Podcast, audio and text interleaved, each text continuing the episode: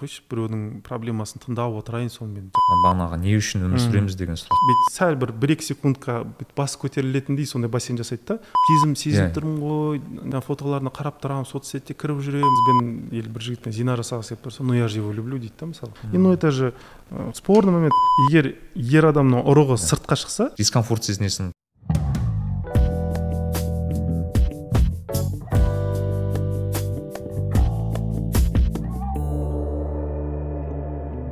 Бисмилля ал сәлем достар. Ә, сіздермен әрікби және нәрікби лайф кәсіби және рухани тәжірибе подкаст деп әдеттегідей мен бастаймын. Және бүгін бізде ә, біздің ең ә, сүйікті қонақтардың бірі мен өзім өте көп күтетін әрқашан ә, осылай әңгіме құрып осылай отыруға тырысатын адамдардың бірі табиғат қалтай ағамыз келіп отыр. Табиғат аға қош келдіңіз. Уағалейкумассалам рахмет. Э, шақырғандарыңызға қуана қуана келдім. Мен ұнатамын осы подкастқа Иә. қатысып тұрғанды иә біздің ең тұрақты қонақтарымыздың бірі.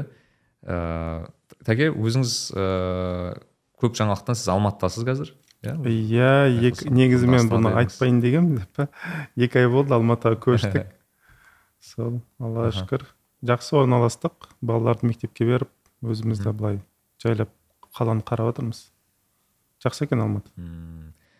Ал жалпы астананың тұрғыны ретінде алматыға келген бір қандай бір ерекшеліктер байқадыңыз ба бір адамдарда? Ә, негізі иә ә, бірінші фактор енді бірінші себеп болған алматыға көшудің ол адамдар үшін болды да негізі. Екіншісі ол Иә. жаңағы табиғат үшін десек болады. Адамдар үшін дегенде неге өйткені оқырмандардың арасында да жалпы былай араласқанда да еті алматы алматылықтардың еті тірі да былай ешқай уақытта андай. Мен астаналықтарды жамандау мақсатында айтып жатқан жоқпын бірақ алматылықтар сондай бір несі бар. Иә. мысалы өткенде де бір семинар өткіземіз дегенде астанада бір апта бұрын мысалы бірнеше күн бұрын болса хабарландыру. Соның өзіне де қиын жиналады да адамдар. Мысалы соңғы Иә, бір екі күнде деген секілді. Ал алматылықтарда аяқ асты бір семинар өткіземіз деп шешіп қалдық. Сол екі күн қалғанда ма ойлағам айтамын екі күннің ішінде бір жиырма адам жиналса сонымен аз аз кіші- кішігірім семинар жасаймын деп ойлағанмын ғой. Сол кезде Иә. біраз кішкентай семинарлардың форматын көрейікші деген сондай да ой болған. Негізі қазір де бар сондай бір жоба бар Иә, соны иә. дайындап жатырмыз аллаға шүкір сөйтсем жүз адамдай сөйтіп көп келді да адам енді. Вот сондықтан алматыда сондай екен. И қазір де түсініп тұрмын көп адамға айтып жатқан жоқпын. Тек қана бірең сараң кездесетін бір бизнесмен жігіттер бар. Араласатын ыыы менторство программасы бойынша келеді андай менторский немен ы, жобамен. И соларға ғана айттым но соның өзінде де уже біраз адам біліп қойыпты. И уже андай ә, не болып жатыр андай запростар көбейіп бара жатыр да. Сол сондықтан көп адамға айтпа өзім оқырмандарыма да айтқан жоқпын негізі шын айтайын. Бірақ айтуға тура келетін бүгін сондай жаңалық подкасттан эксклюзивный информация. Не ғой? Маған қызық та табиғат ыыы жа- табиғат жалпы адамға әсер ете ме? Мысалы астананың мысалы өзінің бір былайша айтқанда ыыы не ғой? Өзінің табиғаты бар алматының өзінің табиғаты бар табиғат адамға әсер ете ала ма? Иә әрине әсер етеді. Мысалы мынандай нәрсе бар геополитика деген ғылым бар. Бұл халықтардың мемлекеттердің несін андай мінезін зерттейтін бір не да андай ғылым да былайша айтқан уақытта. И неге ол геополитика деп аталады? Неге тек қана политика емес өйткені адамның локациясына байланысты оның ойы да сондай болады. Мысалы ә, бізде неге ылғи да монархиялар болған немесе хандықтар болған бір адам шешетін барлығын тыңдайтын. Ал батыста мысалы больше демократия деген секілді. Өйткені ол жақтың табиғаты адамның жалғыз өмір сүруіне қолайлы. Адам мысалы жал- жалғыз өмір сүре алады да климаты қолайлы. А бізде климат біраз андай қиындау суровый да. Сондықтан біз өмір сүре алу үшін топ топпен өмір сүре аламыз тек қана. Сондықтан бізде андай топ болғандықтан өзіміздің шешіміміздің орнына топтың шешімін қабылдау бір ханның мысалы басшының шешімін қабылдау өзекті болып тұрады да. Сондықтан ә, бізде демократия сол жағы аздау. Бұл исторический нәрсе да былайша айтқан уақытта өзі суровый климатический условияда өс- өскендер сондай болады өзі больше только армейский подход болады оларда. А нелерде мысалы андай климаты жеңілдеу жерлерде біраз демократия көбірек болады ол жерде адамдар ашық айта алады да ойын көбіне. Өйткені жалғыз өмір сүреді ешкім мұқтаж емес деген секілді ғой. Ондай көп ондай ә, арнайы исследованиялар да бар. Вот сондықтан иә ол табиғат әсер етеді адамға әрине қызық екен.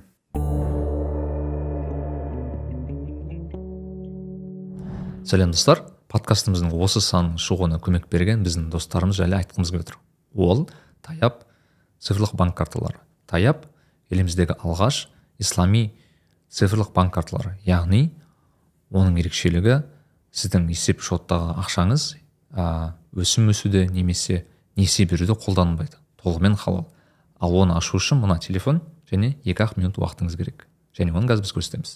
Ол үшін біз таяп қосымшасын app store және google плейден жазамыз. Тапқаннан кейін біз ә, жазу тетігін басып оны жазып аламыз. Ашқаннан кейін бізге тіл таңдау ә, меню бар және біз қазақ тілін таңдаймыз және міне бізге ә, қосымша ашылды. Келесі мен таяп картасын ашу тетігін басамын. Ә, маған ә, таяп нео және таяп блэк карталарын таңдау беріледі. Мен таяп нео картасын таңдаймын. Және маған келесі бетте өзімнің деректерімді енгізу керек. Мысалы бұл жерде маған жсн нөмір және телефон нөмірін оны мен енгіземін. Келесі шарт мен телефон нөмірімді растаймын. Ал одан кейінгі қадам мен өз бейнемді камера арқылы көрсетуім қажет. Ол үшін ә, мына жерде өзімді көрсетемін жымиямын күлемін және ә, мені күтіңіз және бізге ә, ол сынақтан өтеміз. Төртінші сынақ бұл біздің құпия сөзіміз оны енгіземіз. Ә, жылдам код ашу оны тез енгіздік және бізге а міне картамыз ашылды. Менің карталарым ә, бөлімшесінде. Мына жерде тіпті apple walletқа да қосуға болады. Таяп ә, қосымшасын жүктеу үшін сілтемелер осы видеоның түсіндірмесінде жазып қолданып ә, подкастты қолдап жүрейік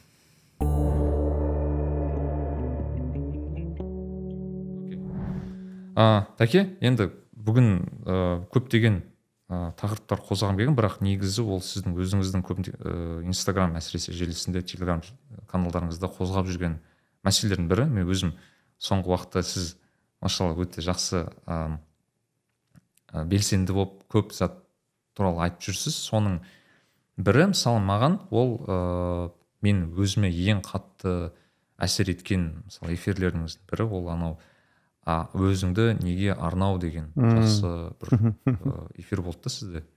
Соған байланысты бір екі ә, сұрақ деп айтайын.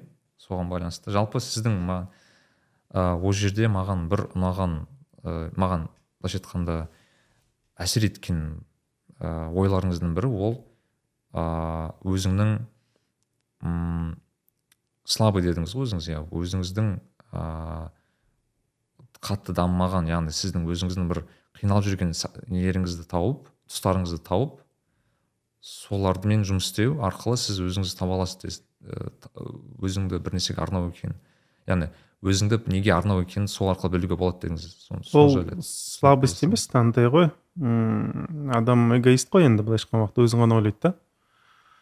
Ә, бірақ алла тағала адамды жаратқанда белгілі бір мақсатпен жаратады да. Иә құлшылықпен. Ә, бірақ құлшылықтың формалары әртүрлі болады. Мхм. Мысалы әкенің құлшылығы ер адамның құлшылығы бөлек әйел адамның құлшылығы бөлек деген секілді. Иә намаздар бір иә мысалы бірақ ә, белгілі бір жерлерде мысалы бөлінеді мысалы әйелдің құлшылығының ішіне ана болу кіреді әкенің ер адамның құлшылығының ішіне әке болу кіреді деген секілді. Сондықтан формула әртүрлі болады.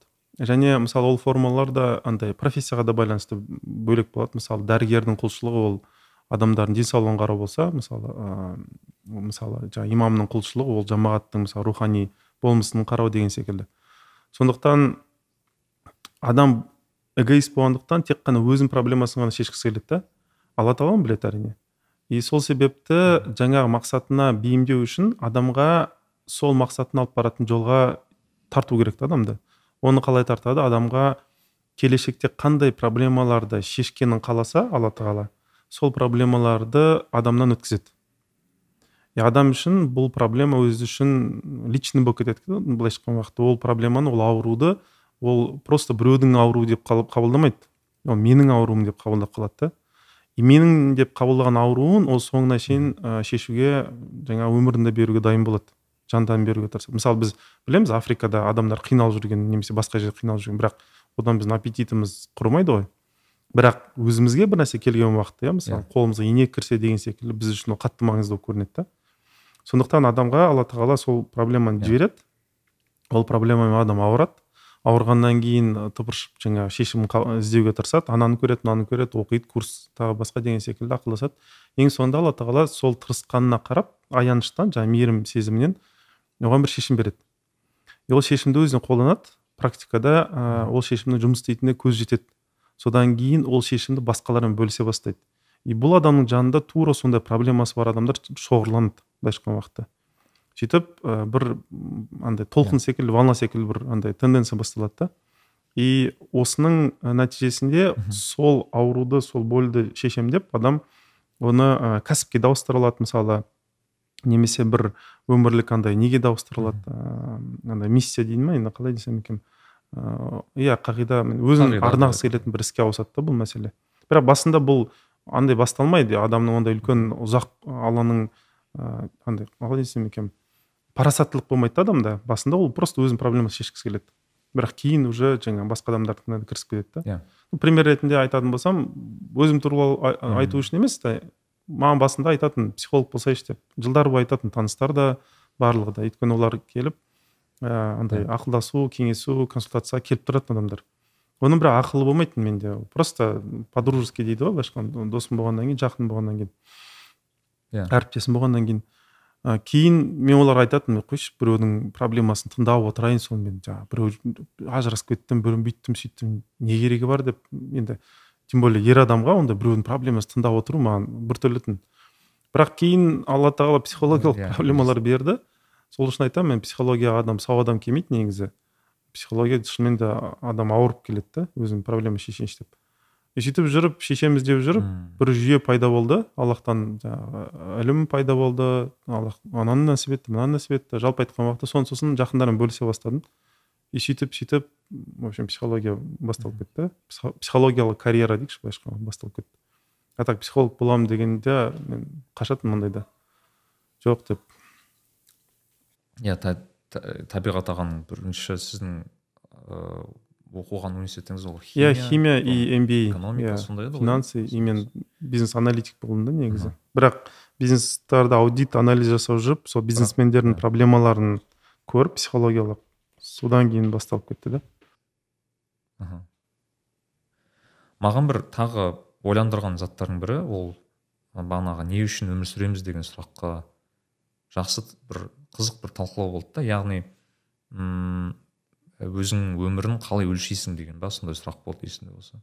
Яғни сен өміріңнің өлше, сенің Иә. өміріңнің өлшемі енді қандай? бұл қатты маңызды нәрсе. Мен ол жерде виктор цойды келтірдім мысалы. Цой 27-28 жасында уже мышлениясында мен әрине түсінемін біреулер айтуы мүмкін. И ол намазсыз адамнан ә, сен қалай мысал келтіресің деп те айтуы мүмкін кейбір кісілер.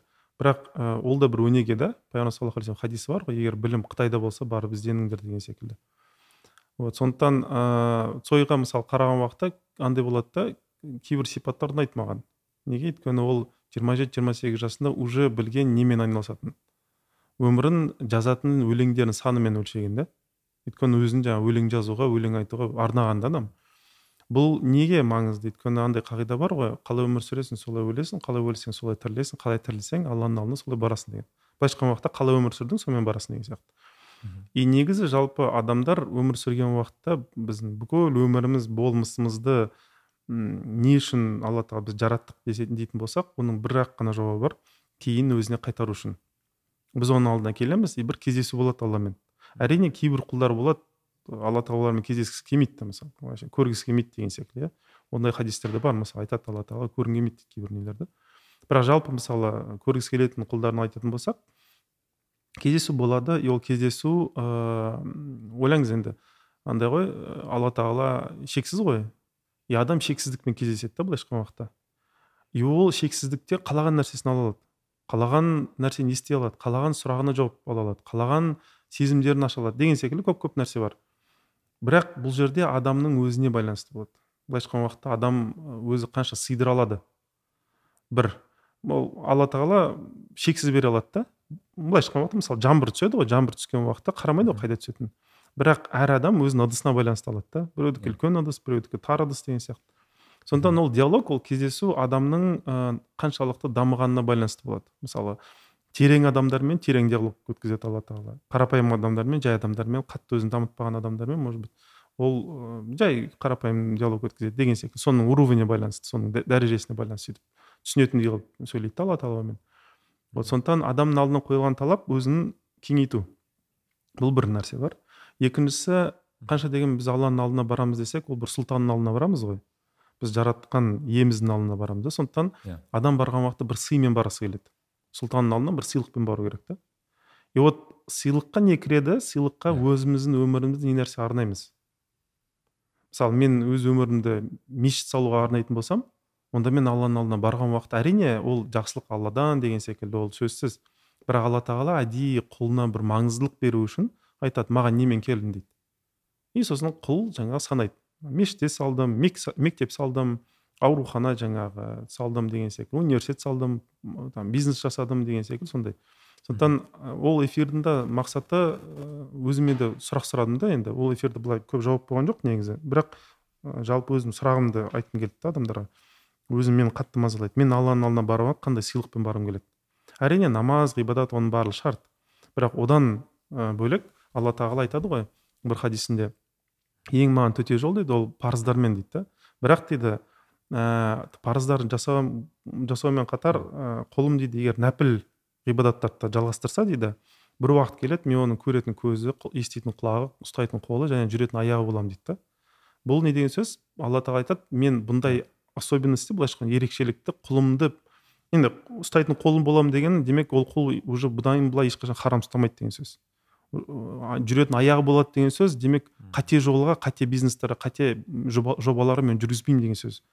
Ә, көретін көзі болады деген ол андай басқа адамдарда болмайтын өз, былай өзгеше бір парасаттылық береді. Былайша қараған уақытта ана мәселенің өзегін көріп тұратындай сондай бір рентген секілді сканер секілді бір взгляд беріледі да адамға. Ә, еститін құлағы болады деген ол демек ол өте андай көп адамның ә, байқамайтын сырлары болады бұл дүниеде. Біреудің ауруынан бастап біреуінің ішкі дүние жан дүниесінен бастап мысалы табиғат әлемі болсын жаңағы жұлдыздар әлемі болсын ә, періштелер әлемі болсын соның бәрін ести алатындай сондай бір ә, сезімталдық беріледі да былайша айтқан уақытта. И бұның барлығы не нәрсеге беріледі? Парыздарға емес. Бұның барлығы нәпіл ғибадаттарға беремін дейді да алла тағала. Нәпіл деген не? Ол добровольно жасалған былайша айтқанда адам өз өзегін өз, өздігінен жасағысы келген нәрселер. Сондықтан алланың алдына барған уақытта сыйлықпен бару бұл адамның өздігінен болатын нәрсе. Әрине парыздарын айтады бірақ алланың алдына мен өзім өмірімде не нәрсе арнадым соны алып келіп көрсетеді да. Вот сондықтан өзім үшін өте маңызды бұл сұрақ. Мен алланың алдына барған уақытта екі нәрсені айта алғым келеді да. Сен үшін өмір сүрдім вот шынымен де сен үшін өмір сүрдім деп айтқым келеді да бұл өте маңызды да вот. Я ради тебя жил деп былайша айтқан екіншісі ә, соның дәлелі ретінде бір сыйлық апарғым келеді да и вот сыйлық мәселесіне келгенде мен шын айтайын өз басым әлі былай анық қанығын айта алмаймын. Мен мысалы мынаны алып келгім келеді деп айтатындай ондай не жоқ. Бірақ ә, бір білетінім мысалы ең ә, жақсы сыйлықтарды пайғамбарлар алып келген да александрды олар не алып келген? Олар ә, иман еткен құлдардың жүректерін жинап алып келген да. И пайғамбар саллаллаху алейхи вассалам айтады ғой мен ең көп мақтанатыным дейді үмметім санымен мақтанамын дейді да ол дүниеде мысалы жаңағы и ә, былайша айтқан уақытта адамдарды иман еткен адамдарды аллахқа алып келу ертіп алып келу оларға бір дұрыс жолына түсуіне себепші болу ол ең үлкен пайғамбарлардың жасайтын бір ісі біз де егер олардың сара жолымен жүретін болсақ онда біз де солай істеуге тырысуымыз керекпіз. Бірақ бұл қандай формада болады?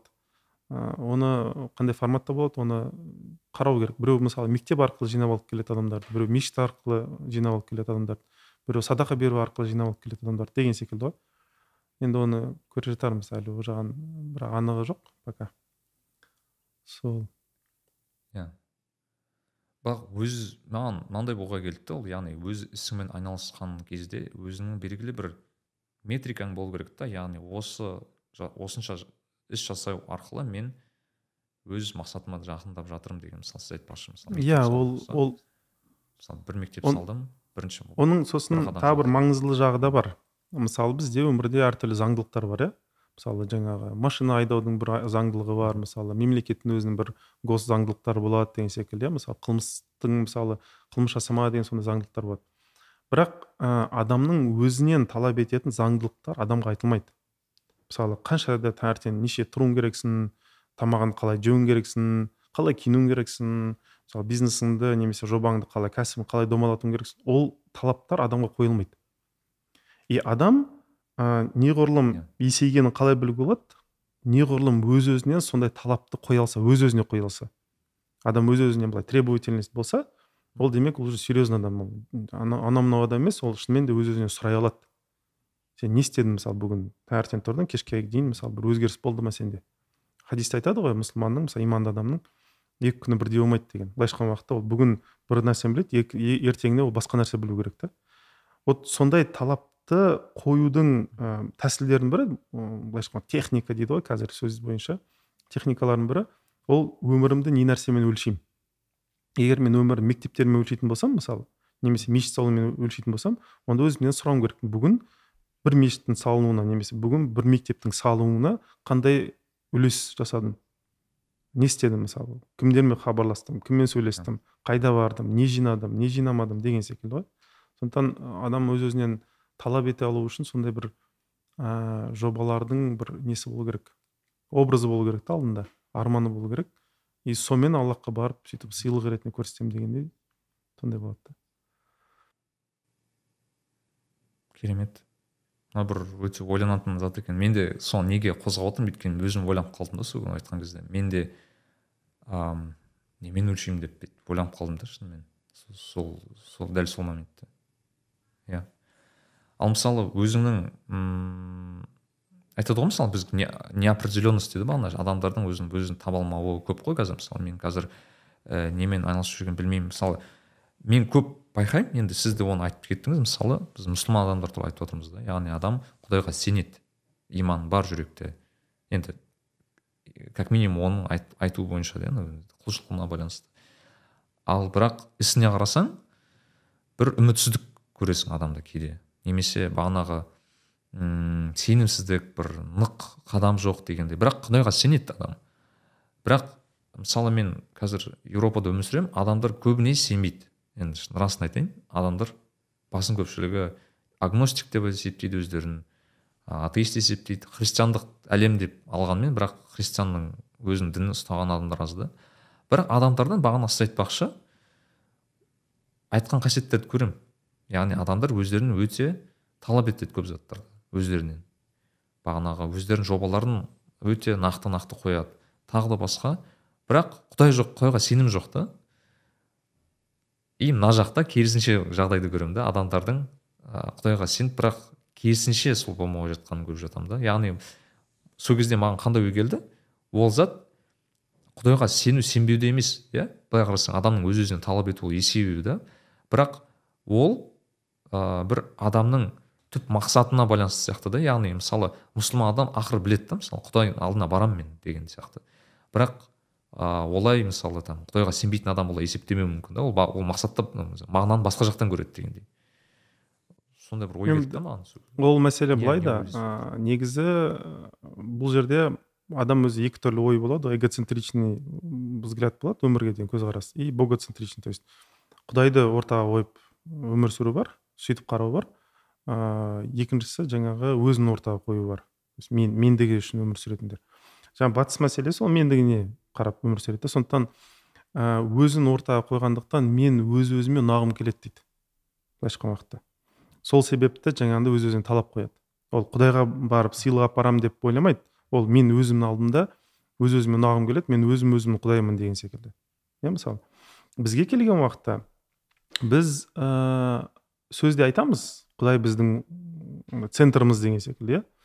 Бірақ практикаға келген уақытта олай емес екені шығады ортаға шығады да өйткені ә, көбіне құдайдан біз андай проблема шыққан уақытта немесе бір нәрсе қалаған уақытта андай чисто потребительский дейді ғой былайша уақытта. Өзіміз нәпсімізге керек нәрсе болған уақытта сол кезде құдайды іздей бастаймыз да. Бірақ құдайдың өзін шынымен де іздемейміз. Ол бір нәрсе бар. Екінші ыыы құранда аяттар бар да сендер иман еттік деп айтпаңдар дейді да. Сендер мұсылманбыз деп айтыңдар дейді. Мұсылман деген сөз теслим деген сөзден шыққан. Теслим деген ол берілу деген сөз. Берілу то есть бағыну деген мағына айтуға болады да. Бірақ бағыну не значит доверять. Былайша айтқан уақытта ә, бағыну күшпен болады. Мысалы бір тиран келді да мысалы бағындырды иә? Мысалы ол бір бағыну несі бар. Бірақ бағынумен қатар одан да терең бір сезім бар. Оған сену оған кәдімгідей көңілін ашу деген нәрсе бар да.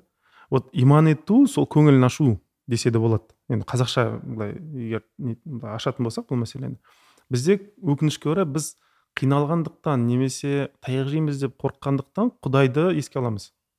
Бірақ шынымен де құдайды сүйгендіктен оны дәріптеп сыйлағандықтан емес көбіне.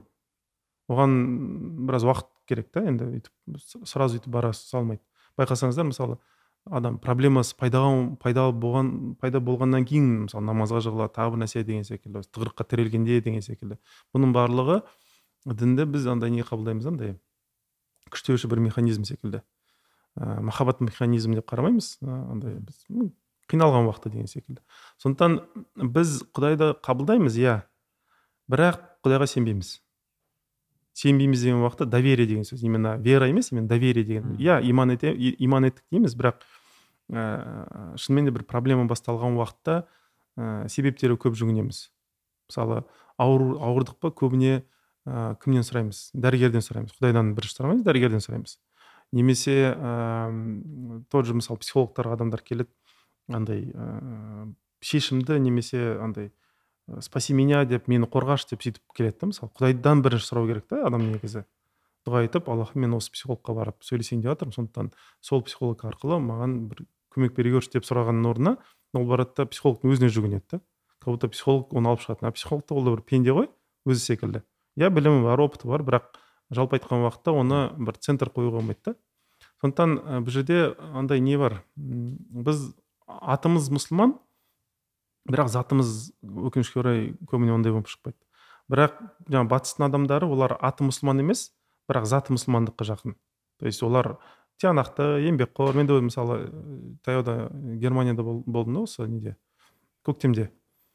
И барлық жерде тексеріп жүрдім. Енді көп естисің ғой немістер пунктуально андай мындай деген секілді неше түрлі. Шынымен де былай критически қарап жүрдім. Каждый детальге әрбір нәрсеге қарадым. Даже кешірім сұраймын андай даже туалетке барғанның өзінде де ана ремонтына қарайтынмын специально. Көрейінші шынымен де бұлар біз секілді ма или өте сапалы да негізі. Даже дәретхананың өздері сапалы да енді. Айтады ғой адам тексергің келсе асханасы мен дәретханасына қара дейді ғой. Қарадым да шынымен де. Тексердім. Қалай тазалық өте күшті. Сосын қонатын жерлерде біз бір жерде жоғалып қалдық та түнде жүріп түнгі сағат бір ма екінің кезінде келдік те жаңағы қонатын жеріміз жаңағы. И сол кезде букингпен алғанбыз сол кезде бір үлкен кісі жас үлкен кісі бізді жоғалып қалғанымызды ойлап велосипедке отырды да өзі. И түні бойы жаңағы районды айналып жүрген ғой бізді іздеп ше. Бізді іздеп жаңағы артымыздан нетіп бізде қалай ол оның функциясына кірмейді ондай нәрсе мысалы. Ол гид та емес не де емес деген секілді. Келсең келдің келмесең келмедің деген секілді айтуға болады ғой. Жоқ өте тиянақты ше. Жаңа сондай өзі таңғалдырады да адам. Сосын тағы бір мысал келтіремін біз таңертең алтыдан он бес алты жарымның кезінде тұрып жаңағы магазинге бардық. Оларда алты жарымда басталады екен магазиндер. Бізде тоғыз он секілді ашылмайды именно сөйтіп неге? Өйткені сол кезде адамдар завтрактарын алады жаңағы таңғы астарын и содан кейін жұмысқа барады екен. Біз екі үш жігіт болып жаңағы витринаның алдында бүйтіп нелерге қарап тұрдық та тәттілеріне жаңағы десерттеріне қарап артымызда немістер тұр. Мысалы бүйтіп андай неге очередь дейді ғой былайша айтқан уақытта неге тұр да тізіліп. Кезекке тұр да. Кезекте тұр. И біз жай ғана қарап тұрмыз. Кезекте емеспіз.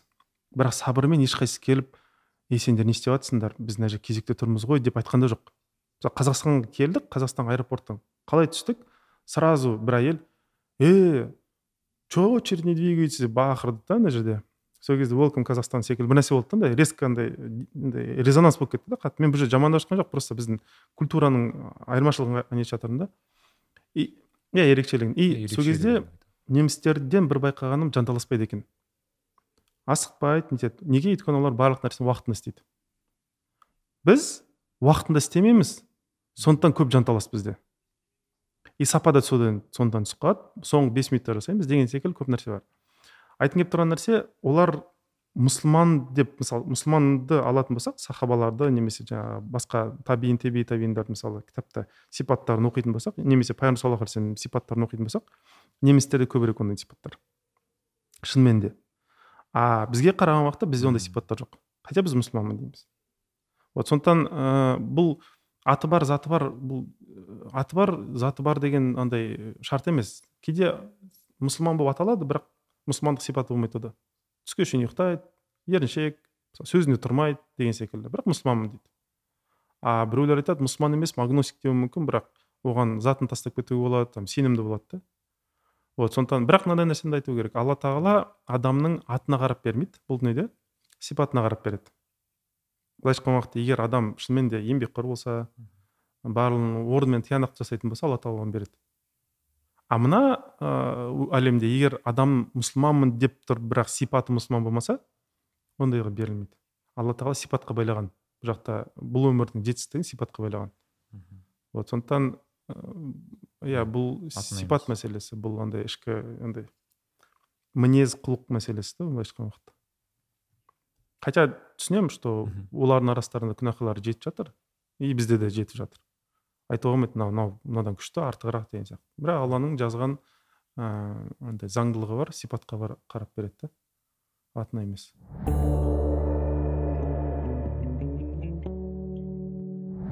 Мына бір ә, тақырып маған қызық болды. Ол ә, өткенге және болашаққа деген көзқарас. Вот сіз сол туралы жақсы айттыңыз бір посттарыңызда жаңағы оқығанмын соны кішкене ашқым келген. Яғни ол жерде көбінесе өткенге өкіну сенбеу өзіңе мысалы өткен мысалы өткеніңе қарайсың да бір негативті ойлар пайда болады. Е мен андаймын ғой мынандаймын ғой деген секілді. И ол болашаққа әсері бар сияқты да адам яғни сен өткенде осындай болса сен болашағың не yeah. Иә. болмақ деген сияқты ше бірақ ыыы былай қарасаң өткен өтті екіншіден үшін мынандай мен не байқадым адамның м негізгі миы деп айтамыз ба мүмкін ыыы ойлау жүйесі өткенді өзгертеді өз ойында мидың өзі да яғни мысалы мен біз айтамыз мысалы біз кішкентай кезде немесе анау кісілер бар ғой анау оң нені совет үкіметін мысалы немесе кеңес үкіметінің кезінде күшті өмір сүрдік бағанағы ыыы ой керемет замандар болды деп айтқанымен бір объективно объективті түрде қарайтын болсақ қазіргі өмірі одан қайда дұрыс та? Бірақ ол кісі ана өмірін жақсы көреді. Соны қызық та яғни ол адам объективті оны қарай алмайды ғой қарай алмайды иә. Өйткені мысалы адам ойлайды аналитика ақылмен жүреді деп. Бірақ аналитика ақылмен жүреді деген уақытта ол рас. Аргументацияны біз мысалы интеллектуально өзіміз ақылмен жасаймыз да. Бірақ мынандай нәрсе бар. Шешімді біз жүрекпен қабылдаймыз. И егер жүрегім бір нәрсені ақтағысы келсе ақыл соны ақтап береді. Бір нәрсені жамандағысы келсе бас тартқысы келсе бір нәрсені ақыл соны да жамандап береді. Осылай жұмыс істейді да. Яғни айтқан уақытта ыыы ол нәрсе бар мысалы адам біреуді қатты шынымен де андай не бар ғой даже бір еркек дейді андай бір енді бұл әйелдерге тас лақтыру секілді бір нәрсе болмасын. Бірақ ә, қазіргі ә, современный светский женщина дейді ғой былайша айтқан уақытта. Солар сипаттағанда былай дейді олардың ойы мынандай дейді. Толық бір қарын шығып кеткен бір еркекті көрсе ой қойшы мынау бір ботқа екен деп айтады дейді да. Бірақ ондай толық қарын шығып кеткен еркектің он миллионы бар екенін білсе ой қандай плюшевый деп айтады дейді да мысалы. То есть ақтап шығады деген сондай бір не бар да сипат бар да. Вот сондықтан ә, бұл ә, тек қана әйелдерге емес бұл ер адамдарда сондай нәрсе бар. Адам шынымен де бір нәрсені қатты қаласа иә. соны ақтап шыға келеді да. Вот мына мынау дұрыс деп. Мен оны бизнесмендердің арасында көремін мысалы. Ер адамдар болады андай. Білесің да ол шешім бизнесін бытын шығарады. Бірақ именно соған бүйтіп тіреліп қалады да. Жоқ именно осыны қалаймын дейді да. Құрдымға кетесің деп енді мен аудитормын ғой айтуым керекпін да құрдымға кетесің деп мысалы жоқ дейді да істейді. Сосын жарайды дейсің енді араласа алмаймын. Сосын екі үш жылдан кейін хабарласады да. Ыыы осылай да осылай бір нәрсе жасағым келді анау мынау деп. Не болды десең вот жаңағы быт болады деген нәрсенің өзін быт қылып алған да. Яғни былайша айтқанда жағып жіберген соның күлін алып келеді да. Осыны жөндеуге бола ма дейді да. Ол уже жанып кетті да ол уже иә. вот сондықтан алдын ала айтасың. Ну енді пенде арманшыл ғой енді. И андай ә, тез алданып қалады. Вот сондықтан ә, ондай нәрсе бар. Біздің жаңағы и миды да зерттеген ғалымдарда тоже ол андай ғылыми дәлелденген нәрсе. Ми неғұрлым алыстаса бір неден оқиғадан өткен шақта болған иә мысалы воспоминание дейді ғой. Соғұрлым сол воспоминание адамға красочный болады екен. Өте әдемі болып көрінеді екен да. Ондай Иә. мидың несі бар қабілеті бар? Бір жағынан мен ойлаймын енді бұл мен өзім андай жеке ыыы выводым. Неге алла тағала ондай нәрсені берген адамға? Сондай қабілетті миына берген. Өйткені егер адам ондай нәрсе болмаса қарттық шағында өкініштермен өзін жеп қояр еді. Қатты қиналып кетер еді ол алла тағала мейірімді ғой адамға жұмсартады да көп нәрсені. Әйтпесе иә ұмыттырады иә кейбір нәрселерді өйткені шынымен де адамның өзгеруі үшін өткен шағын ұмыту шарт. Прям шынымен де шарт. Мысалы сахабалардың өмірлерін оқитын болсақ пайғамбар саллаллаху алейхи айтады ғой иман етіңдер деп жаңағы алла тағала ля иляха иллаллах деп айтыңдар деп. Сол кезде иман етпегендердің жауабы қандай болады? Айтады ғой біз бабаларымыздың дінінде қаламыз дейді да. Ол не деген сөз? Өткен шақты біз ұмыта Иә. алмаймыз деген сөз. То есть біз ескімен қаламыз біз ескіміз. Ал жаңалар олар бабаларының жаңағы несін ұмытқа, ұмыт, ұтам- ұмытамыз дейді. Жаңағы пұтқа табыну лат узза деген пұттар болды ғой. Соларға табынуды бас тартамыз біз жаңа арабтар боламыз дейді да иман еткен арабтар боламыз. Сондықтан адамның жаңаруы үшін өткен шақтан бас тарту өте шарт ол шарттардың арасынан ең бірінші шарт десе де болатын шығар наверное. И мынандай заңдылық жоқ. Өткен шағы мынандай адам болған точно осындай болады келешекте деген ондай заңдылық жоқ. Сол себепті алла тағала ә, не істейді. Енді алла тағала себептерге мұқтаж емес тәуелді емес. Бірақ ә, алла тағала айтады ғой ғайыпқа араласпаңдар дейді. Ғайыптың ішіне келешек те кіреді. Мысалы болашақты болжамдармен айырылыспаңдар дейді. Ондай нәрсені алла тағала балгерлер там бақсылар деген ондай нетпейді. Олардан сұрайды сонда сосын жаңағы жорамал жасаған үшін деген секілді иә кейбір құлдарына пайғамбарлар секілді құлдарына кейбір қасиеттерді берген. Андай келешекке байланысты пердені ашып көрсеткен Иә. сенің үмметің мынандай болады мынандай болады деген секілді. Ол бар ондай нәрселер бар. Бірақ андай мен ол ғалымдарды айтып тұрған жоқпын немесе пайғамбарларды айтып тұрған жоқпын алейхисаламдарды айтқым келіп тұрғаны бақсы нелер бар ғой. Вот оларға неге айтады ол жерге кірмеңдер араласпаңдар дейді. Өйткені адамға сөйтіп айтып қойсаң келешегі мынандай болады деп. Самопрограммирование болып кетеді да адам соны күтіп қалады. И ана хадис бар ғой құлым менен не күтсе мен солай көрінемін деген. Сол хадистің несі қағидасы жүріп кетеді да. Сондықтан адамға ешқашан мынандай болады деп айтуға болмайды. Ә, адамға полный жүз пайыз андай бостандық беру керек та. Оны шектемеу керек. Оның ә, талабы оның андай Иә. шешімі ә, былай езіліп бір күштеп жасалынған бір шешім болмау керек. Бұл бір. И бұл шешімге қатты әсер ететін оның өткен шағы. Өткен шағы айтады оған сен қате істедің бүйттің сөйттің сен грешниксің анаусың мынаусың сондықтан сен адам болмайсың деген секілді сондай бір вывод жасайды да. Бірақ ол дұрыс емес. Өте үлкен бір қате. Адам үнемі ә, жаңаланып тұрады и алла тағала бұл механизмді даже адам денесіне салған. Мысалы алты айдан кейін біздің денемізде болған клеткалар болмайды уже. Басқа клеткалармен нетеді да андай алмасады да Иә. жаңарады. Жаңа тырнақ та мысалы күнде ауса- ауысады мысалы өседі или шаш өседі мысалы иә мысалы адамда. Бұны алла тағала неге қойып қойды? Адам ғафлет деген нәрсе бар ұмытқаншылық. То есть ұм- ұм- ұм- ұмытып қалады да көп нәрсені көп қағидаларды. Сондықтан адам ұмытпасын деп шашының ұзаруын мысалы тырнағының ұзаруын сондай нәрселер қойған да. Адам қарайды да тырнағын алып жатып біраз ойланады. А кеше болған тырнақ иә өтіп біраз өтіп кетті иә өтіп болған тырнағым бүгін жоқ деген секілді. Кешегі болған тұлғалығым қазір жоқ деген секілді. Адам үнемі жаңарып тұру керек та. Бұның барлық нәрседе өзі хикмет бар просто адам ойланса даже тырнағына қарап отырып или шашына қарап отырып біраз ойлануға болады да адамға. Еш нәрсе өз қалпында қалмайды. Ескереді заттар деген секілді ауысады заттар алмасады деген сияқты. Вот. Сол кешірім сұраймын көп сөйлеп кеттім Ал сонда болашақты е жоқ жоқ мына керісінше мысалы болашақты елестету деген мүлдем сонда иә дұрыс емес емес андай біреуге сенікі именно осылай болады деп айтқан дұрыс емес. То есть андай былай қалай десем екен?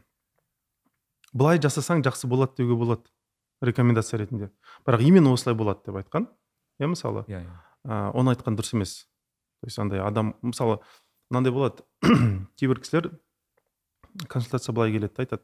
Сізге дейін дейді мысалы мен бес психологқа немесе бес коучқа или он шақты там ә, лидер мнение болатын осы қазақстанда өзекті адамдар бар соларға бардым дейді. Ақылдастым дейді мысалы бизнесмендер келеді айтады. Мен анамен ақылдастым аттарын айтпай ақ қояйын. Көп қазақстанда әйгілі адамдармен ақылдастым. Сізге келдім дейді. И жеті адамның ішінде сіз ғана айтып тұрсыз оларға опровержение дейді да мысалы. Мен айтқым келіп тұрған жоқпын просто мен особым просто айтқым келіп тұрған нәрсе былай. Бір кісі келді таяуда. Мына проектімен айналысайын ба? деді да. И мен оказывается жетінші адам екенмін ақылдасып жүрген. Бастапқы алты адам жоқ деген да істеме деген.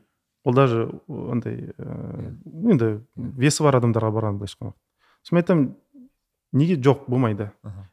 Адамның психологиясына түсіну керек. Консультант психолог болсын коуч болсын ол да бір пенде ғой. Оның жете алмаған бір елестері болады. Жете алмаған мақсаттар болады. И чисто психологически адам бір нәрсеге жете алмаса ана іште қалап тұр ғой сол жеткісі келіп тұрған нәрсе. Соны тоқтату үшін адам өзі жете алмаған мақсатты жамандай бастайды. Е қойшы ол сондай деген секілді. И сол мақсатқа байланысты біреу келіп онымен ақылдасса ол оған шынымен де ақыл айтудың орнына өзінің жамандаған жаңағы негативті оған да іліп жібереді кеңес, кеңес секілді. То есть өзінің қорқынышын свои страхи біреуге совет секілді жаңағы консультация секілді беріп жібереді да. Ол дұрыс емес. Ол субъективизм. Адам консультант объективно болу керек. И өзін жаңа келген клиентпен бөле алу керек. Егер мен жете алмадым это не значит ол да жете алмайды. Иә иә. Сондай болу керек та. И ол жаңа келген жігіт өте бай жігіт. Бай жігіт и шынымен де ақылдасқан адамдарының кейбіреулерінің даже көбісінің жасай алмаған проекттер жасаған жігіт та и конечно ол одан да жоғары бір баспалдаққа шыққысы келді да аналардан барып сұрады. А олар оған жете алмаған ондай нәрсеге. И сосын барып олар оған айтқан ғой уже бесполезно уже кірмей ақ қой деп айтып жіберген да оған. И ол сосын барып келіп тұр да мен айтамын жоқ ол просто өздері жете алмаған содан кейін саған сөйтіп айтты.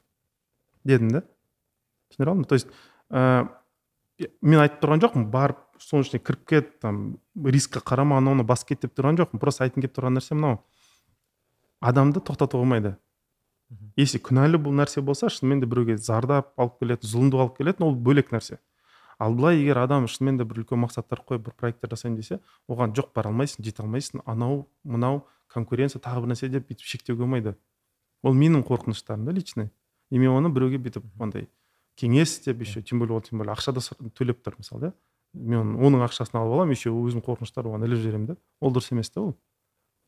Вот сондықтан адам үнемі андай не, не қалай десем екен алла тағаланың рахман есімі айтады ғой шексіз дейді ғой андай кәпірлерге де береді дейді ғой. Сондықтан егер алла тағала оның жанын алған болмаса мысалы жанын алған жоқ. Не деген сөз ол значит ол адамның өмір сүргенін қалайды ал өмір сүргенін қаласа демек оған әлі шанс берген. Өзгеруге де басқаға да деген секілді. Егер өзгерткісі келмесе алла тағала бір адамды жанын ала салатын еді. Бітті адам өзгермейді. Бірақ өмір сүріп жүр адам. Мысалы дем алады дем береді. Ол не, ненің белгісі? Демек алла тағала оған әлі беріп тұр. Әлі возможность беріп тұр. Қай жаста болсын қандай халде болмасын. Соны ескеру керек та. Бұл анау не сияқты ғой маған мысалы бір осы тоже атеист бағанағы агностик кісінің бір сұрағы бар еді маған. Неге дейді күнәһар олар енді мынандай сұрақ қойды да ол неге күнәһар адамды егер құдай болса дейді неге оларды бірденен ыыы жазаламайды дегендей. Сондай сұрақ қойды да сол кезде мен айтамын онда бәрін жазалай берсе ол не болды сонда деймін да адамға шанс берілмей ма сонда? Адамға өзінің қателігін мүмкін там білмеймін елу жыл кетсе де ол елу жыл өмір сүру керек шығар сол қателесін түсіну керек түсіну үшін деген сияқты ғой. Біз просто пенде болғаннан кейін сразу вердикт береміз да сразу үкім береміз. Да мынандай адам деп. Біз шаблонный мышление бізде қатты ғой. Ғафлет деген сол ғой андай. Бір затты атын білгендіктен біз ойлаймыз затын да білеміз деп. Мысалы айтады гравитация дейді мысалы. Гравитация деп айтамыз жер тартылысы деп мысалы атаймыз иә. Бірақ оның механизмі қалай жұмыс істейді біз білмейміз. И ол механизмге байланысты мысалы эйнштейннің жұмыстары бар мысалы ә, что гравитация негізі не существует деп мысалы бір теориясы бар. Ол андай энергетический поле деген нәрсесі бар. Енді былай ғылыми неге кірмей ақ қояйын? Айтқым келіп тұрған нәрсе мынау гравитация деп точно мынау гравитация деп даже айта алмайды екенбіз біз. Өйткені оның ішінде неше түрлі теориялар бар оны түсіндіреді или мысалы ә, не электричество қайдан келеді или молния қайдан келеді дейміз ғой мысалы. Біз айтамыз там бұлттар кездесті анау там перепад давления анау болды мынау болды сосын разряд болды да иондар барлығы ұрды дейміз мысалы. Бірақ шынымен де ғылыми оказывается иә, иә. электричество бар ғой мысалы ток. Соның түсіндірмесі жоқ екен. Өйткені физикада бөлек түсіндіреді химияда бөлек түсіндіреді. Мысалы ә, физикада былай түсіндіреді. Мысалы металдың ішінде бір темірдің ішінде бос электрондар болады дейді. И ол бильярд секілді жұмыс істейді. Мысалы мына электрон мынаны ұрады мынау мынаны ұрады ұрады ұрады ұрады мына жаққа ұрады. Былайша айтқан тоқ солай өтеді дейді да темірден өткен уақытта. Бірақ химияны заңдылығы бойынша ондай дұрыс емес. Химияда айтады барлық электрондар каждый атомда өзінің орбитасында жүреді. И ол бір орбитадан бір орбита секірмейді. Химия бойынша солай. И көрдіңіз бе мына жерде химия былай айтады а физика былай түсіндіреді. Егер бүкіл ғылымдарды алып келетін болсақ электричествоны түсіндіре алмаймыз біз. И бұндай конфликттер өте көп ғылыми әлемде. Сондықтан теориялар көп та. И бұл тылсым нәрселерді түсіндіре алмайды адамдар. Бірақ біз электричество деп айта саламыз. Сондықтан көп адамда сондай шаблонный мышление адамзатта өте ә, жоғары. Ә, таралған бір індет. И көп ойлана қоймайды и шаблонный болғандықтан біз адамды былай көрген уақытта ол допустим амандастық қолмен біз екі қолмен амандасты ол бір қолмен амандасты бітті сразу үкім кетеді ішімізден. Ол мені сыйламайды оғандай мына мына деген секілді. И бір силуэт пайда болады да сол адам туралы. Бітті. И біз солай ғана қараймыз ол адамды. Ал ішкі дүниесі қалай болды не нәрседен өтті ол мысалы. Может быть ол андай ә, сүннет бойынша өмір сүргісі келетін шығар. Сүннетта не дейді? Бір қолмен амандасқан дейді. Өйткені сол қолында дәретке қолданады деген секілді. Ол неуважение емес ол наоборот уважение нетіп жатыр да бірақ ол сүннет бойынша істеп жатыр ол нәрсені. Ал қазақ оны қабылдай алмауы мүмкін. Е неге екі қолмен амандаспайсың брачка деген сондай сөздер бар ғой мысалы. Осы жерде осындай конфликттер болады да. Сондықтан оны білмеген білмегендіктен адамдар бір бірін дұрыс емес қабылдайды да. И үкім береді. Мынау мынандай адам деп. Бірақ ол ыыы істелуі дұрыс нәрсе емес. Бір екіншісі ол тек қана құдай ғана бере алады ондай үкімді. И біз құдайдың ісіне араласқандықтан да адамдарды дұрыс танымаймыз. И әлемді дұрыс танымаймыз. Содан шығады да көп проблемалар.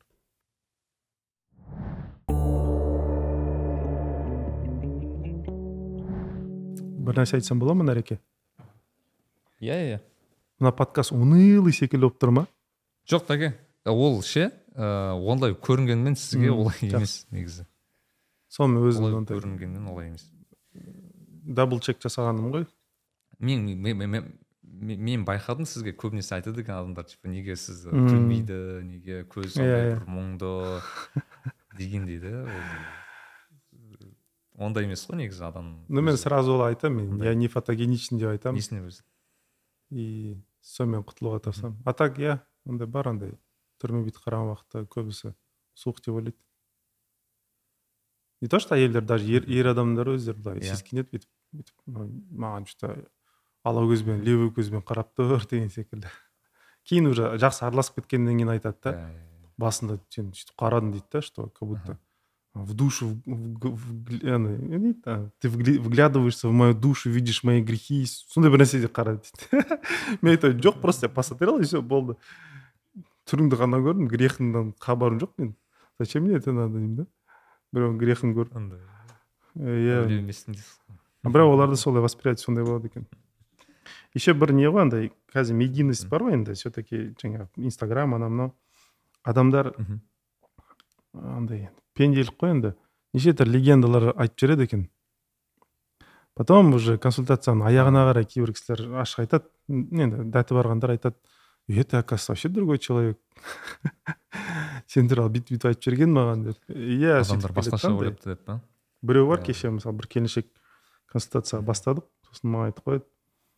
Менің күйеуімді жазғанмын негізі дейді да консультацияға бірақ ыыы күйеуім сіздің прямой эфирлеріңізді көрді да короче шошып кетті дейді. Мынау короче егер менімен сөйлессе мен точно жағамнан алады бытшытымды шығарады. Мен оған бармайын деп сөйтті сосын әйелімен өткіздік жаңағы консультацияны. Иә. сонда неше түрлі ойлар болады да адамдарда қызық қызық қызық так жалғастыра берейік онда не ыыы сезімдерге байланысты ше вот мен такеге бірнеше рет сол туралы сұрақ қойғанмын бірақ маған ол өте қызық бір жаңалық болды сезімдерге байланысты өйткені бұрында шынымен бір іс жасалған кезде мен мысалы бір сезімдер келеді да мен енді неше түрлі сезімдер түсініксіздік мына бір шарасыздық кейде кейде ыыы білмеймін өзің бір дискомфорт сезінесің тағы басқа да бір вроде бір нәрсе істеп жатырсың а сенің как бы нең ә, денең өзі бір қаламайтын сияқты болады да сен бір істі бір болады ғой бір арқаң ұстап қалады өзімен өзі басың ауырып кетеді дегендей да и мен ойлайтынмын бұл ешқандай қатысы жоқ деп. Бірақ мысалы байқасам бұл бір ыыы бір іс жасауда сенің ойыңның денеңнің реакциясы яғни саған беріп жатқан бір ә, жауабы ретінде сияқты да кейде маған солай көрінеді. Яғни сен бір іс бастасаң кейде бір күшті көп энергия келеді да кейбірде наоборот түсіп кетеді деген сияқты. Бір андай бір логикаға келмейді да кішкене. Бірақ ыыы бірақ сезімдер келеді саған сондай бір. Ол бар ондай нәрсе. Бірақ мынандай нәрсені айту керек. Ә, нәпсі деген нәрсе бар ғой. Енді нәпсі деген жаңағы адамның қалаушылықтары yeah. Иә. дейікші былайша айтқан уақытта? Страсти дейді ғой. Нәпсістің жеті мәртебесі бар. Мысалы үшінші нәпсі деген бар нефси мүлхиме деген аты. Мүлхиме деген илхам деген сөзден шыққан. Илхам деген ана шабыт сезімдер чувство дейді ғой. Алла тағала адамға бір ориентир бергенде сезім иә. арқылы ориентир береді. Мысалы бір жаққа баруын қаласа оң жаққа баруын қаласа сезімді сол жақтан күштірек береді да. Сол жаққа баруын қаламаса ол жақтан сезімдерді өшіреді деген секілді. Ондай нәрсе бар. Ә, ол бір жағы бар картинаның. Негізі айту үшін целый бір семинар өткізу керек но мен қысқартып айтайын жарай ма? Осындай картинаның бір несі бар. Екінші жағы да бар. Адамның өзінің ә, блоктары болады комплекстары болады. И сол блоктар срабатывать етеді. Иә. Чувство самосохранения дейді ғой. Мысалы ыыы ә, әскерде біледі бұндай нәрсені. Әскерде адам енді тапанша ұстайды жаңағы андай не оружие ұстайды ғой жаңағы. Қару жарақ сол кезде из, чисто из за чисто самосохранения байқамай өзін немесе жанындағыларды өлтіріп алуы мүмкін. Или же өзін или басқаларды өлтіретін бір шешім қабылдап қоюы мүмкін. Қате. Стресс кезінде адамда ондай болады. Адамда өзі екі нервный система екі, екіден екі нәрседен құралған біреуі аналитический э, нервный система бар. Біз мысалы бір бізге әсер болды біз анализ жасадық сосын реакция бердік.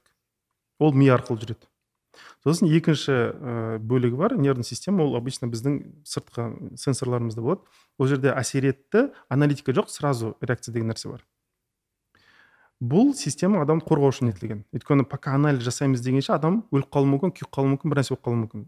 Мысалы допустим ыстық нәрсеге қолымыз тиіп кетті ма резко тартамыз қолымызды. Или бір нәрсе құлап бара жатқан уақытта резко секіріп кетеміз.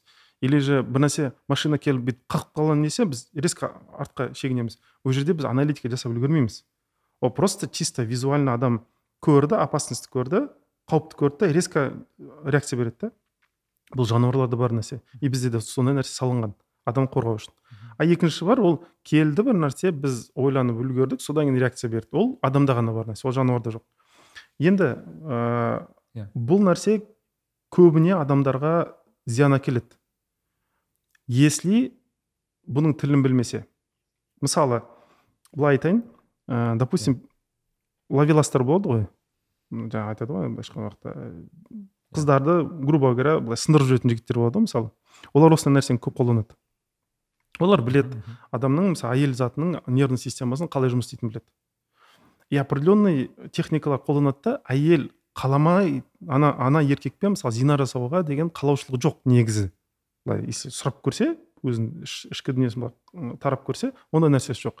Бірақ ана еркек манипуляция жасау арқылы ана қызды төсекке шейін алып бара алады. И ана қыз түсінбей қалады өзі. Не уже бар бұл біткеннен кейін аяғы ауыр болғаннан кейін уже аборт жасау керек деген бір ситуация кіргеннен кейін ғана сол кезде оянады да ол. Сондықтан адамды үйрету керек. Әскерде де сондай нәрсе бар. Мысалы әскерде былай үйретеді. М десантниктарда бар нәрсе бұл. И америкада морские котикиларда жасалатын нәрсе. Адамды қол аяғын байлайды. И үш метрлік сондай біраз терең бассейнге аяғына гири секілді бір ауыр нәрсені байлайды да лақтырып жібереді и ана жерде адам қорыққаннан ана инстинкт самосохранения бар ғой мә тұншықтым өлдім деген секілді. Сол инстинкттің кесірінен көп қимылдап қояды. Организм көп кислород қолданып қояды да ана демі тез бітіп қалады бір. Екінші тыпыршып қимылдағандықтан ойлана алмай қалады екен. Сондықтан оказывается оның шешімі былай екен. Адам тыпыршымай ана ненің бассейн түбіне барып секіріп шығып бүйтіп сәл бір бір екі секундқа басы көтерілетіндей сондай бассейн жасайды да чтобы сол жерде ауаны жіберіп ала алады да и сөйтіп бассейн түбімен секіріп секіріп секіріп иә. секіріп құтылып кете алады екен. Вот осы тест арқылы тоқсан сегіз пайыз оказывается новобранецтар дейді ғой былайша айтқанда жаңадан келген жігіттер тоқсан сегіз пайыз өте алмай қалады екен. Көбісі тұншығып қалады талып қалады тағы бір нәрсе екі ақ бір екі процент қана өтеді екен. И адамды сондай тесттер арқылы үйретеді. Специально мысалы пилоттарда болады сондай нәрселер жаңағы yeah. Иә. и осы нәрсе осы нәрсе өкінішке орай ә, егер адам бұны жақсы дұрыс танымаса өзіне зардап әкелетін нәрсе жасайды. Жаңағы чувство дедік қой. Адамға бір нәрсе келген уақытта өзінің блоктары срабатывает как чувство самосохранения мен қорғанайын деген секілді. И алда тұрған бару керек бір мақсатқа алла тағала дайындап қойған бір күшті бір ризыққа жүрмей қояды. Неге өйткені қорқады? И алла тағала береді да бірақ адам қорыққандықтан ала алмайды. И ала алмағаннан кейін еще тағы үстіне қосылатын тағы бір нәрсе бар. Алла тағала бермеді деп алланы кінәлап жібереді. Түсіндіре алдым ба? И бұл ана школьниктің психологиясы ғой андай бесті мен алдым екіні мұғалім маған қойды деген. Сол секілді адам өзі қорықты өзі бір артқа шегінді өзі ала алмады. Бірақ в итоге құдай бермеді деп шыға келеді да то есть нәсіп болмады анау мынау деген секілді. Хотя алла тағала айтады ғой ең көп жек көретін адамдардың бірі мысалы өзінің отбасынан отбасының ризығын қысқан ер адамдарды жек көреді екен. И ондай нәрсе бар. Ер адамдардың арасында өкінішке орай қазір өте қатты таралған індеттердің бірі мысалы андай бизнес жасай алмаймын ана бүйте алмаймын сөйте алмаймын икемім жоқ диваннан тұрмайды мысалы. Бірақ алла тағала бергісі келеді но ол нетпейді. Бергісі келеді деген уақытта бұл жерде мынандай нәрсені де пояснение беріп қояйын. Кейбір адамдар ойлауы мүмкін сонда не алла тағала бергісі келеді сені әлсіз қылып сипаттап жатсың жоқ олай емес. Алла тағала егер шынымен де кун фаякун деп бір нәрсе қаласа істеткісі келеді негізі адамға. Өйткені құранда аят бар ғой егер біз қаласақ барын иман етер едіңдер деген секілді. Но алла тағала кейбір нәрселерді адамның өзіне қалдырған. Бергісі келеді бірақ қалдырған. И соның ішіне кіреді ризықтың бір бөлігі. Есть обязательный ризық который алла тағала бәрібір істеткізеді алғыстап а есть ризық дополнительный десе де болады. Орысша айтатын болсам ол ризық адамның yeah. Иә. жаңағы еңбекқорлығына несіне байланған әдейі алла тағала сөйтіп байлап қойған сондықтан ыыы ә, осы жерде дұрыс түсіну керек та адам жаңағы сезімдері көтерілген уақытта егер өзінің блоктары андай срабатывать етіп қалса адам алдыға жүрмей қалады и көп адам негізі бұл ашық айтатын болсам yeah. Иә. бұл менің бойымда да бар нәрсе ә, әр адамның өзінің бір патологы болады содан секіре алмайтын. Әр адамның өз бір цифрасы болады. Біреуде бір миллион болады біреуде он миллион біреуде жүз миллион деген секілді. Сол блоктан секіре алмайды. И ол блокты ашуды үйрену керек. Неге? Өйткені ол блоктың жаман жері не жетістікке жетсем мен құртылып кетемін. Жетістікке жетсем адамгершілігімді жоғалтып аламын. Жетістікке жетсем имандылығымды жоғалтып аламын. Жетістікке жетсем мысалы там отбасымды құртып аламын деген секілді сондай қорқыныштардың кесірінен күнә жасап кетемін деген кесірінен адам алдыға қарай жүрмей қояды. Ондай көп мысалы мұсылман жігіттерде көп көремін да ана бизнесмендерді. Тендерлар алады ананы мынаны істейді мысалы. Yeah. Иә. и цифраларын қарасаңыз андай определенный бір миллион пәленше әркімнің өзі әртүрлі пәленше миллионнан жоғары контракттарға бармайды. И ондай контракттар бұған кездеспейді да особо. А жанындағы жігіт жүреді одан он есе көп жасайды да. Неге? Өйткені анау қорқады. Сосын кейін жаңағы консультацияда қазбалап жаңағы қараймыз ғой. Сол кезде оказывается қорқады екен ә, жанындағы жігіттер андай байып кеткен тез байыған сондай жігіттерге қарайды. Олар біраз жерге барғаннан кейін екінші әйел аламын деген ой келген. Оны алған сосын бірінші әйелмен быт болған екінші әйелді бұған короче этот я не виноват ол да кетіп қалған. Короче быт болған сондай жігіттер көрген ғой енді. Yeah, yeah. и бұл қорқып қалған сасып қалған. Мен де олардың жолдарын қайталап қоямын ба деп. И сондықтан пәленше бір миллионнан жоғары жүрмей ақ қояйын деп сөйтіп соны нетеді да хотя ол да сөйтіп шешім қояды хотя ол негізі он есе жиырма есе үлкен проекттер жасай алатын сондай қабілеті да бар алла тағала жасап қойған но ол өзінің потенциалын максимум бес он процентін ғана игерген да сол жер не да андай қорқақ батыл емес вот и жаңағы сезім мәселесі сол екі нәрседен болады біріншісі алла тағаланың жаңағы жіберген мына жаққа бар мына жаққа бар ориентир болатындай не? А екіншісі біздің просто қорқыныштарымыз бізді тежеп нетіп қояды да андай ну үшіншісі де бар. Үшіншісі ол ә, көбіне шайтаннан нәпістен келетін нәрсе. Ол адам бір нәрсе қатты қаласа м ну грубо говоря гормон дейміз ғой. И сол сезімнің артынан кетіп қалуы мүмкін. Ол қалай? Ыыы күнәлі нәрсе болып тұрса да ақтап алады да. Там я не знаю там мысалы бір қызбен или бір жігітпен зина жасағысы келіп тұрса ну я же его люблю дейді да мысалы. Ну ты его любишь это не значит что ол күнәні отменяется. Ондай нәрсе жоқ қой мысалы. Бірақ менің сезімді сезім сезініп иә. тұрмын ғой деп айта бастайды мен айтамын ол сезім емес деймін ол просто чувство присвоения ол менікі сен тәкаппарлықтан ол менің адамым менікі болу керек деп шарттанғансың а неке болмаса ондай нәрсе жоқ мысалы. Иә. Сондай нәрсе көп та. Мен оны ұмыта алмаймын там бірнеше жыл болды әлі де жаңағы фотоларына қарап тұрамын соцсетте кіріп жүремін там комментарийларын оқып тұрамын өліп жүрмін күйіп жүрмін дейді да мысалы. Я жібере алмаймын дейді жібере алмайды ғой и айтады еще ол махаббат қой дейді мен мысалы вот ана киноларды андай нелерді батыстың андай ыыы имансыз киноларын көп көрген да это же любовь деп жаңағы нетеді да вообще махаббат деген нәрсе жоқ. Ол ол то есть махаббат ол емес. Ол киноларда сипатталған махаббат ол махаббат емес негізі. Ол просто нәпси гормональный нәрсе.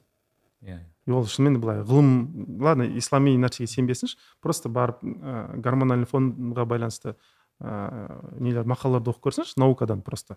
Соның өзінде де түсінеді что оказывается просто иә. маған гормон ұрыпты содан кейін мен сездім деп санаппын деген секілді. Бірақ ақиқатында ол просто шайтан оны күнәға шақырды қызықтырды. Хадистерде айтылады ғой жаңағы алла, алла тағала иә. ә, тозақты жаратқан уақытта жан жағын андай нәпсіге қызық нәрсемен толтырған дейді ғой. И шайтан соны инструментарий ретінде қолданады не істейді? Адамға күнәні әдемі қылып көрсетеді. И адам соның артынан барады ереді. Еще соны еще сверху немен жабады да ой махаббат қой там ізгі ниет етеміз ғой деген секілді главное ниет қой деп береді.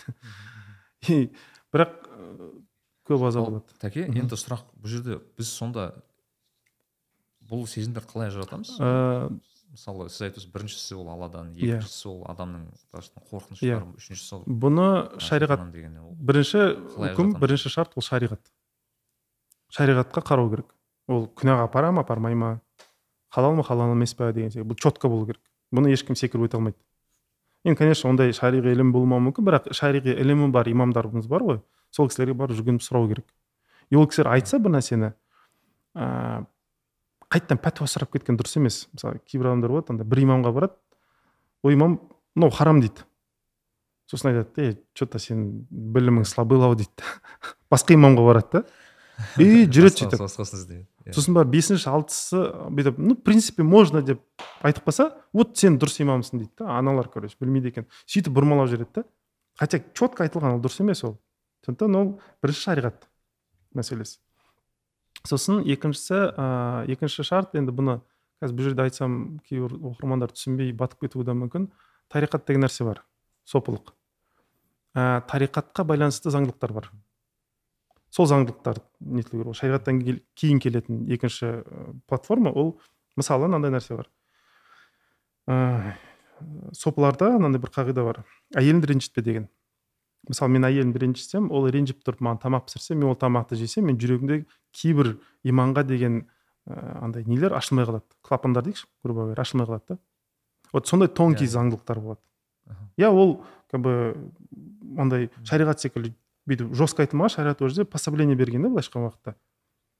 Мысалы әйелімен көркем бол анау мынау деген секілді. Бірақ именно тариқат более четко береді. Даже ренжітпе дейді. Прям қатты андай өзегін береді да. Одан кейін причем керісінше де жұмыс істейді ғой. Егер мысалы әйел адам тамақ жасаған кезде иә иә ол плюс береді екен иә сондай нәрсе. то есть бұл уже нәпілдерге кіреді да бұл андай добровольный нәрселерге кіреді да. Шариғат десе ол парыз уәжіп сондаймен қатты нетсе андай концентрация больше берсе а бұл жерде уже бұл такой тонкий нәрселер да добровольный. И тариқаттан кейін келетін ақиқат деген қағидалар бар. Ақиқат деген это имеется в виду не өтірік не ақиқат соны айыру айыру мәселесі. Бұл парасаттылыққа бұл ыыы алла тағаланың жаңағындай басир есіміне байланысты нәрселер. Бұлар андай уже не просто шариғатты білетін не, не просто тариқаттың хабары бар но и андай алланың досы дейді ғой былайша айтқан уақытта сондай кісілермен араласқан дұрыс. Алланың досы деген адамдар болады. Олар ақиқатты алла тағала оларға көрсетеді. Мен айта алмаймын мынау адам мынандай деп бүйтіп. Оны өздеріңіз іздеңіздер енді.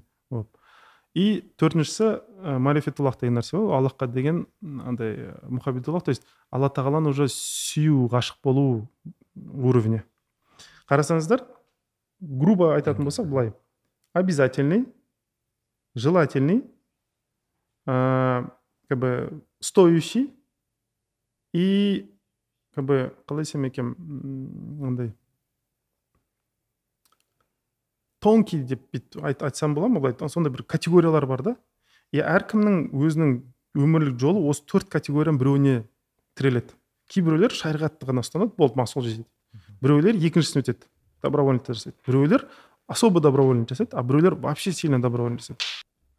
Бұл мәселе неге ұқсайды? Ә, мысалы бір қызға допустим екі жігіт гүл алып барады. Біреу доставщик. Жаңағы доставщик курьер не істейді. Ол по пунктам жаңағы методически қарайды да. Гүлді беру керек бүйту керек сөйту керек адресіне бару керек деген секілді. Бірақ одан артық нәрсе жасамайды. А екінші жігіт допустим ол қызға өте ғашық жігіт. Ол курьердің жасағанын да жасайды и сверху дополнительный нәрселерді жасайды. Өйткені ғашық қой. И вот иә. сезім мәселесіне келген уақытта бұл осы екі мысал секілді. Біреулер ә, от меня мынау требуется осыны ғана жасаймын дейді. А сезімдерді тыңдай алған адам сезімдерімен дұрыс жұмыс істей алған адам ол ғашық адам секілді. Жаңағы ғашық жігіт секілді әрекет жасайды да. И доставщик мысалы тек қана ақша алатын болса не өзінің жаңағы сервис үшін. А ғашық жігіт ол қыздың көңілін де алады да. Түсіндіре алдым ба?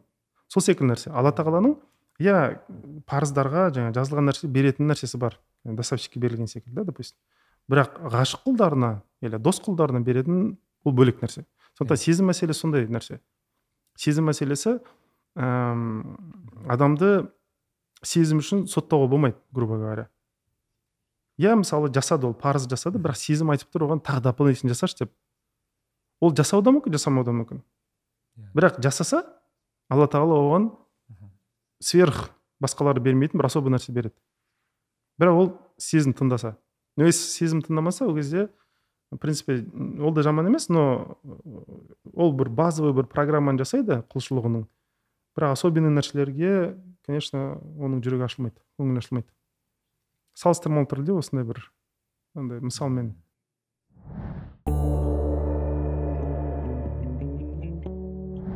Ал мысалы бағанағы бизнеске келетін болсақ мысалы бір адам жасағысы келеді бір ірі жоба деп айтайық иә мысалы ол сезім бар ода. Мен осыны жасауым керек деген сияқты. Бірақ қорқыныш сезімі бар.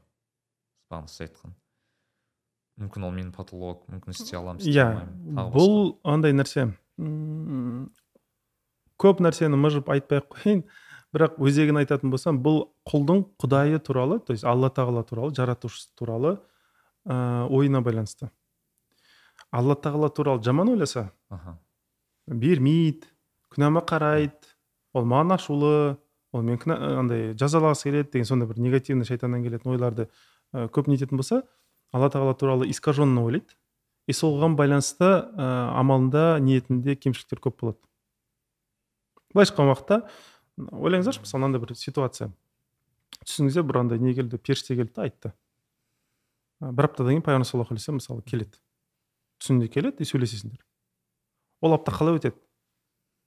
Ол апта адам басқаша өтеді да мысалы. Дайындалады может дұға жасайды может ораза ұстайды. Айда жылда давно ұстамаған оразасын ұстайды давно ашпаған құранын аша бастайды деген секілді.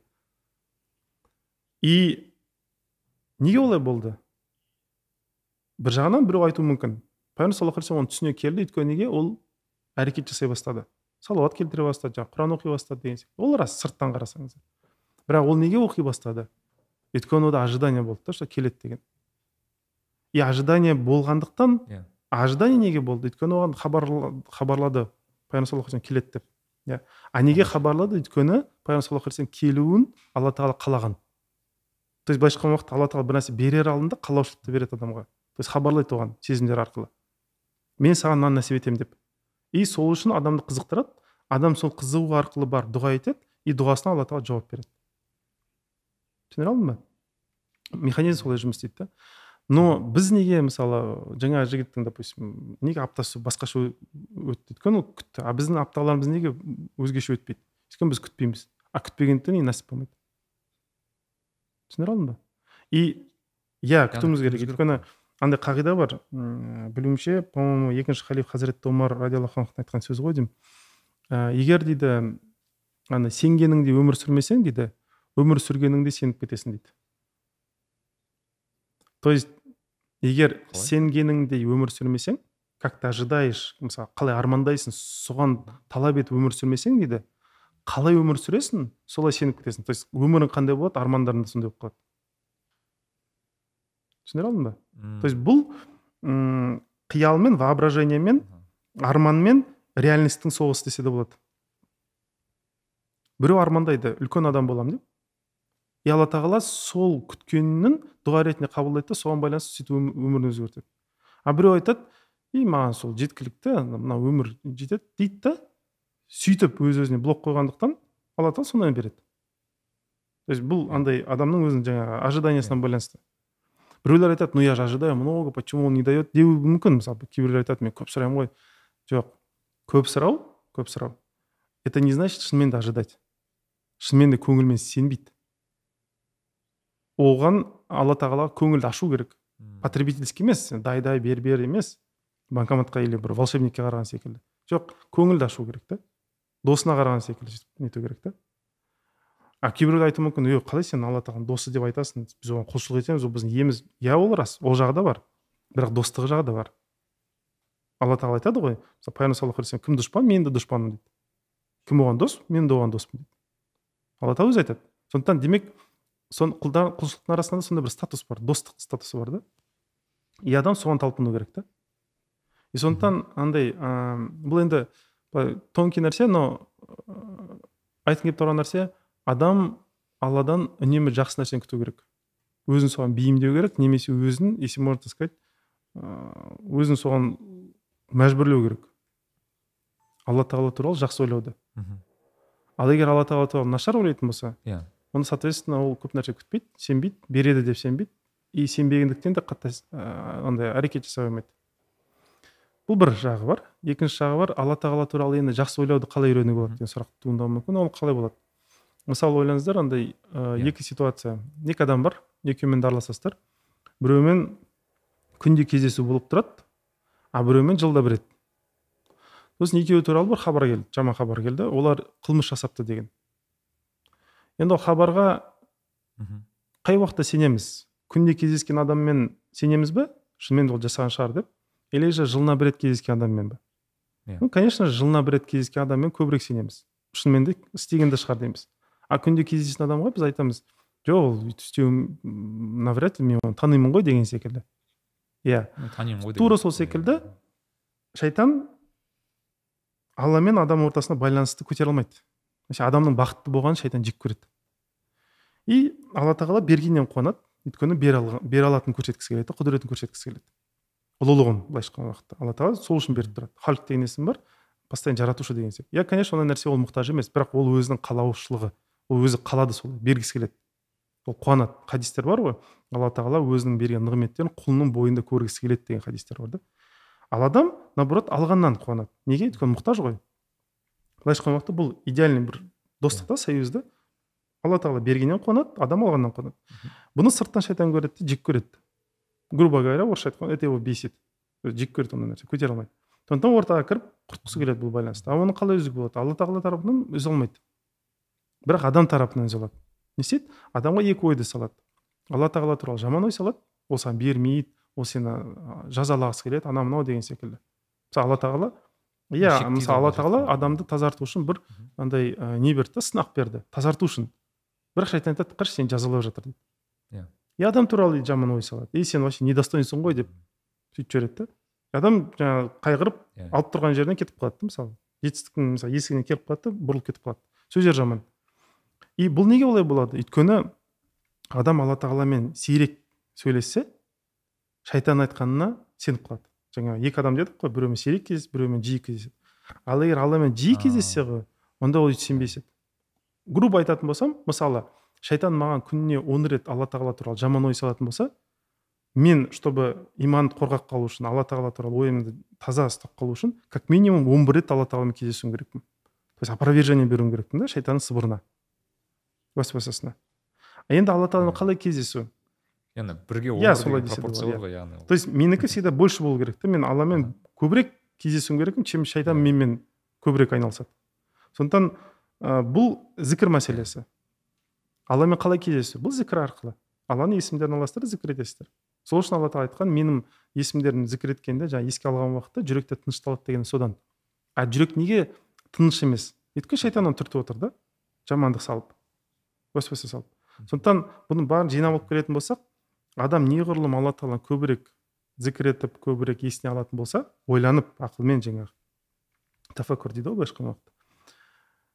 Неғұрлым көбірек еске алатын болса неғұрлым көбірек грубо айтатын болсақ звондайтын болса жаратушыға соғұрлым ә, сенімі көбірек болады. Алла тағала туралы жақсы ойлайтын болады. И соғұрлым шайтаннан қорғаған болады. Соғұрлым алла тағала береді деп көбірек сенеді. Соғұрлым ә, үміттеніп көп амал жасайды. Соғұрлым алла тағалаға да сүйіспеншілігі алла тағаланың оған деген жаңағы сүйіспеншілігі мейірімі одан сайын көрінеді. То есть сүйікті құлдарының арасына кіреді да и алла тағала оны одан сайын көбейтеді. И одан сайын оны еске алуға мүмкіншілік болатын сондай супер ғибадат демей ақ қояйын особый бір нәрселерді береді да и адам одан сайын көбірек зікір етеді. Одан и сөйтіп yeah. по нарастающей кетіп қалады. И сөйтіп ә, күндердің күнінде алла тағаланың досы болып жаңағы әулие болып шыға келеді адам грубо говоря. Вот сондықтан ә, успех солай жұмыс істейді. Алланы танумен алла тағаланы ә, алла тағала туралы жақсы ойлаумен жүреді. Жаман ойласа жүрмей қалады. Вот блоктардың шешілуі осылай жүреді. Егер бір блоктарыңыз болса андай ақшаға байланысты болсын анаған мынаған байланысты болсын ол қалай шешіледі деген сұраққа ол зікірмен шешіледі. В общем зікір деген ол сол инструмент болып тұр ғой соны иә. нығайтудың сонымен иә. жұмыс істеу алланы көбірек араласу керек. Алламен көбірек араласу деген көп сөйлесу керек алламен и сөйтіп блоктар шешіледі ал мысалы маған байланысты осы зікір бар қараңызшы теге вот зікір бар және салауат бар пайғамбар саллаллаху айтатын ыыы енді зікір ол бағана алламен арамыздағы былайша айтқанда сіз қоңырау деген сияқты иә шалу деген сияқты деп айтып түсіндірдіңіз ал мысалы ал салауат салауат деген ыыы салауаттың несі қандай андай болады ғой обычный телефон болады и красная линия деген болады ғой особый телефон оның прослушкасы жоқ мхм ол напрямую нетіледі ол жерде всегда трубканы алады иә мысалы допустим то есть особый бір линия болады да ближняя линия дейді ғой вот салауат соған ұқсас то есть пайғамбар саллаллаху алейхи вассаламге қарап ыыы алла тағала айтады ғой пока сен олардың арасындасың дейді мен оларға азап бермеймін дейді мысалы мынандай болған Пайғамбар саллаллаху алейхи бір бұлт келе жатқанды көрсе қатты нетеді екен рахатсызданады екен. Үйден кіреді үйден шығады үйге үйдің ішінде жүрсе сыртқа шығып кетеді сыртта жүрсе үйдің ішіне кіреді сөйтіп нетіп кетеді екен андай ыыы көңілсіз болып кетеді да қобалжып кетеді. Иә сосын сұрайды ғой я расулаллах не болды? десе айтады екен сендерге дейінгі қауымдарға бір апат келер алдында бұлт келетін дейді. То есть келеді и бұлттан жаңағы тас жауады тағы бір нәрсе енді бытшын шығарады да жаңағы жерде. И пайғамбар саллаллаху алейхи соны білгендіктен нетеді екен андай андай рахатын жоғалтады екен да. И сол кезде соны тоқтату мақсатында алла тағала мейірімінен алла тағала айтады пока сен олардың арасында жүрсің дейді. Мен оларға азап жібермеймін дейді да. Шапағат рухы сенде болады дейді да. И бұны мысалы ғалымдар екі түрлі айтады. Арасында болады деген физически арасында болады. Екіншісі мағынауи арасында болады. Жаңағы салауат келтірілсе пайғамбар саллаллаху алейhi деген махаббат болса оның сүннетімен жүрсе оның істе дегенін істеп істеме дегеннен бас тартса деген секілді. Айтады ғой алланы мені сүйген алланы сүйді деп айтқан, айтатын хадис бар пайғамбар сондықтан ә, біз үшін даже калимада да бар ля иляха иллах дейміз сосын мұхаммед расулаллах дейміз. То есть ля иляха иллах деп айта алу үшін біз мұхаммед расулаллах деуіміз керекпіз бұл өте шарт. Бұл екі нәрсе андай бір бірінен бөліне алмайды.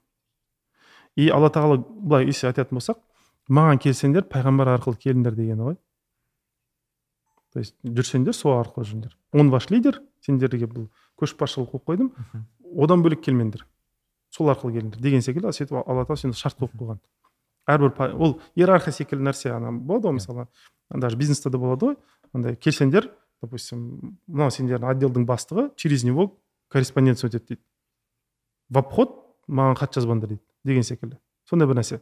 Сондықтан yeah. салауат ол бір yeah. ә, алла тағаланың есімін зікір ету ол да дұрыс нәрсе. И салауат ол бір ә, басқа ғибадаттарды усиливать ететін былай андай особый турбо режим секілді бір нәрсе. Если олай айтатын болсам. Білмеймін енді олай ондай сөзбен сипаттауға болады просто мен современный адамның былай түсінетін сөздерін қолданып отырып жатырмын конечно салауатты өйтіп сипаттаған дұрыс емес. Иә. Но айтқым келген нәрсе мынау салауат особый жерде жүреді. Өйткені пайғамбар саллаллаху алейхи айтады мен үмметімнің жаңағы ауыр күнәлары болады ғой сол ауыр күнәларын жасаған адамдарға жаппаршылық жасаймын дейді. Самостоятельно құтылатындар болады но и ауыр күнәлар жасап жете алмайтындар болады. Біз кстати мынандай нәрсе айтайын. Өткен жылы неде желтоқсанда неге барғанбыз? Өзбекстанға бардық та. Бірнеше жігіт болып жаңағы зиярат жасап. Сол жерде бір қызық нәрсе болды. Бізге ә, бұхараны көрдік самарқандты жаңағы не ташкентті көрдік та. И сол жерлерде ә, кімдердің сол уақыттың сұлтандары жаңағы болған адамдардың қабірлерін көрдік та. И барлығында бір андай модель қайталанады да әрбір ғасыр сайын. Мысалы айтты там пәленше ғасырда мына сұлтан болған деді да и оказывается қай ғасыр әрбір ғасырда бір ғалым шыққан екен да бір ғалым шыққан екен бір сол уақыттың бір ғалымы. И ол ғалым қай жерде жатады? Қабірі. Сол қабірін айналып ана ромашка секілді сол ғасырда өмір сүрген бүкіл патшалар сол жанында жатады да. Сосын басқа жерге алып барды. Келесі ғасырдың үлкен бір ғалымы мына жерде жатыр дейді да. Мен қазір аттарын ұмытып қалдым бәрін ол үшін кешірім сұраймын. И айналасында иә сұлтандар жатады да. Бұл не нәрсе? Адам саясатпен айналысқан уақыт мен бір саясатқа кіргенін ұнатпаймын білесіздер. Бірақ бір нәрсе айтқым келеді. Саясатта адам үкім шығарады ғой. Үкім шығарған уақытта ол жерде спорный моменттер өте көп болады. Өте қиын шешімдер қабылдады. Әрине. И жай адамнан мысалы сұралады. Өзі бірнеше таңдау бар ғой мысалы таңдаулардың арастарыңызда мысалы варианттардың арасында барлығы халал болса ең үлкен халалды таңдау керек. Егер халам, харам мен халал араласып келсе онда халал таңдау керек. Бірақ таңдаулардың арасында кілең харам болатын болса ең кішкентай харам таңдау керек та сондай үкім бар. Мысалы доңыз етін жеу. Иә мысалы. Харам ба харам? Бірақ иә. өлім мен иә мысалы өлім мен доңыз етін жеудің ортасына таңдау жасалатын болса доңыз етін жеу керек деген нәрсе бар. То есть өлмейтіндей жеуге болады деген сонда рұқсат берілген. Особый ана ашаршылық там бедствие дейді ғой былайша айтқанда апат болған кезде. Сол секілді саясаттың ішінде харам көп болады. Өте көп болады. Өйткені біреудің ақысын алынады тағы бір нәрсе деген секілді неше түрлі үкімдер болады. Мысалы қылмыскерлер түрмеге салу деген секілді неше түрлі үкімдер болады да. И оның ішінде андай харам көп араласып кетеді. Адам ақысы көп араласып кетеді. Сондықтан саясатта жүретін үкімдердің несі? Харамдардың арасынан кішкентайын таңдадың ба деп сұралады. Түсіндіре алдым ба? И енді конечно парасатты адам болса жақсы ғой бірақ допустим бір сұлтан дейік. Иә мысалы бір сол уақыттың бір несі? Патшасы сол ғасырлардың орта ғасырдың патшасы. Ол бір қате жасауы мүмкін. Жерден ол тиеді. Немесе бір үкім жіберді мысалы бір әскерді алды да бір жорыққа жіберді сол жерде мысалы жарты, жартысы қырылып келді. И олар мысалы ата аналары зарлап жылайды ғой саған баламызды тапсырдық не істедің деген секілді. Бұл ожданына қатты тиеді. И бұл екі ойлы болады. Конечно ол бір басшы патша бірақ ыыы алланың алдында қорқады да енді. Мен мысалы жорыққа адамдар жібердім жарысы қырылды ертең алланың алдында қалай жауап беремін деген секілді. Сондай ойлар көп болады негізі басшылардың ойларында. Өте үлкен андай стрессте болады олар. Байқасаңыздар еще физиологический нәрсе де бар.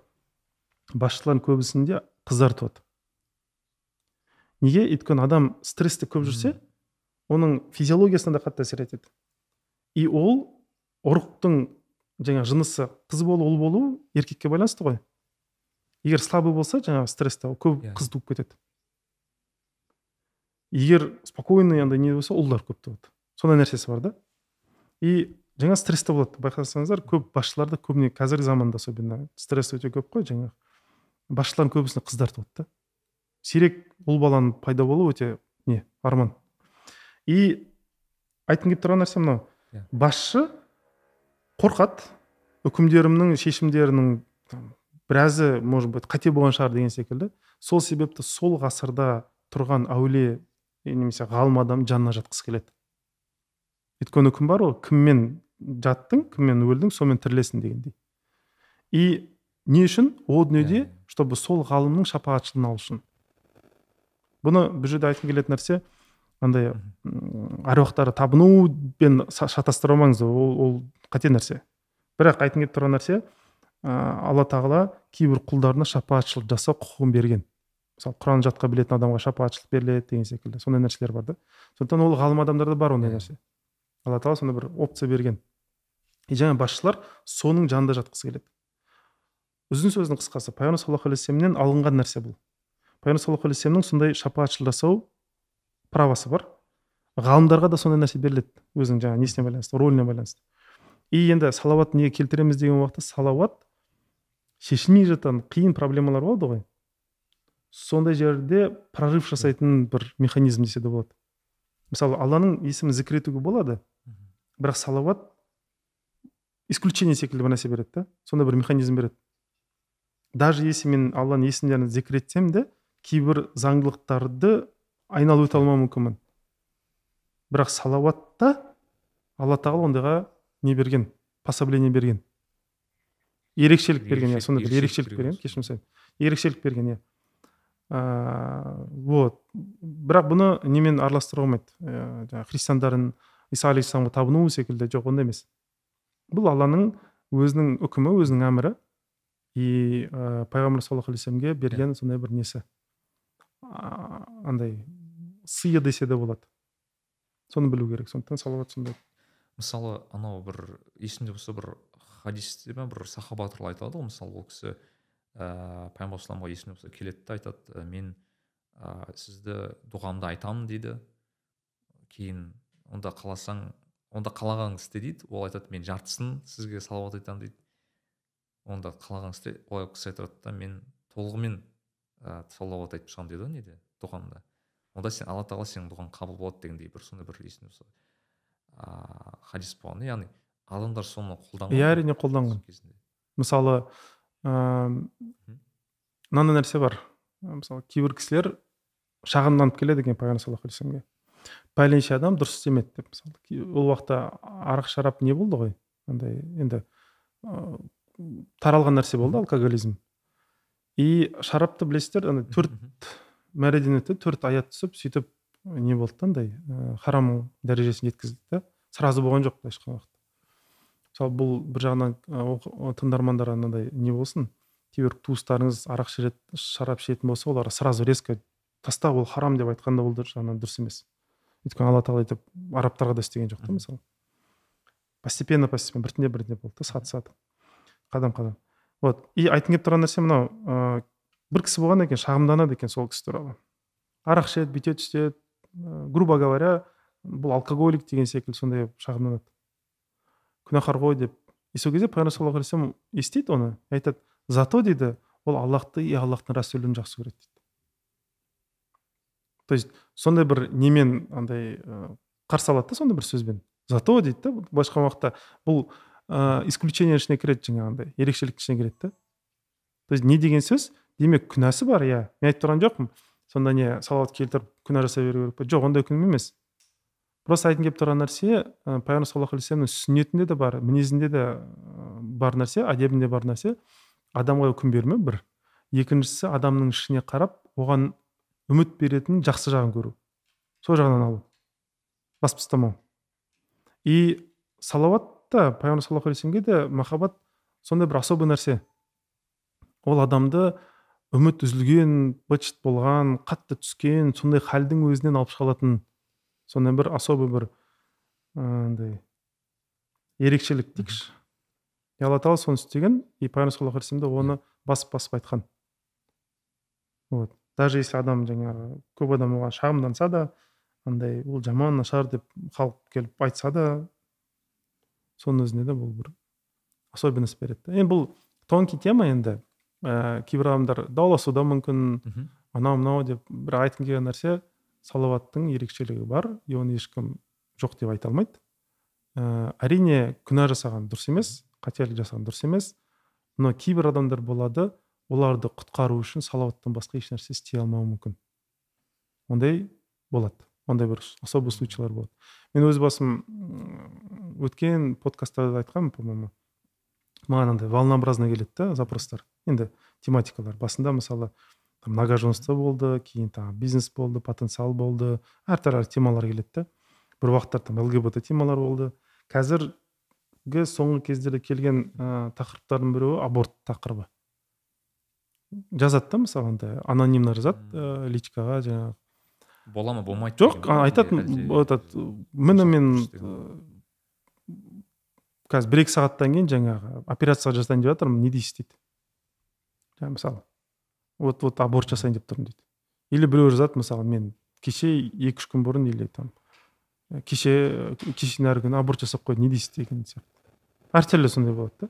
И бұл жерде ә, лично мен үшін қиын жағы қандай? Аборт ол все таки адам өлтіру. Иә біреу айтуы мүмкін там үш айдан кейін рух үріледі үш айға дейін ол әлі тірі емес. Анау мынау жоқ.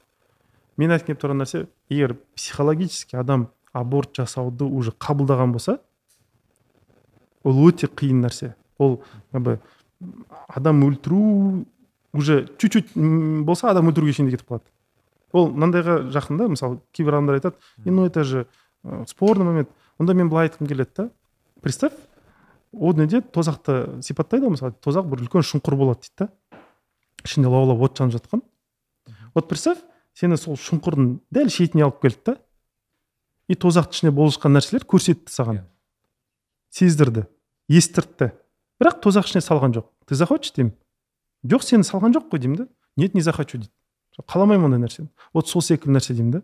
Кейбір күнәлар бар адамды соншалықты тозаққа жақындаттырады что ол жерде өкініп қалады қатты. Иә тозаққа кірген жоқ ол. Жазаны көрген жоқ. Бірақ настолько жақындаттырады тозаққа что адамға ол қиын паяльный лампаның жанында оттың жанында отырған секілді сезім болады да. Сондықтан ыыы оқырмандардың арасында уже істегендер де бар или істегелі тұрғандар бар. И бұл жерде сондай бір қиын бір кеңес айту керек та. Істеп қойғандарға не деу керек? Или істейін деп жатқан не деу? Істейін деп жатқандарға айту керек бұл жаман нәрсе деп. Өте жаман нәрсе деп. Бірақ Иә. иә істеп қойғандарға ол үміт үмітін үзбеу керек. Өйткені істеп қойды ғой.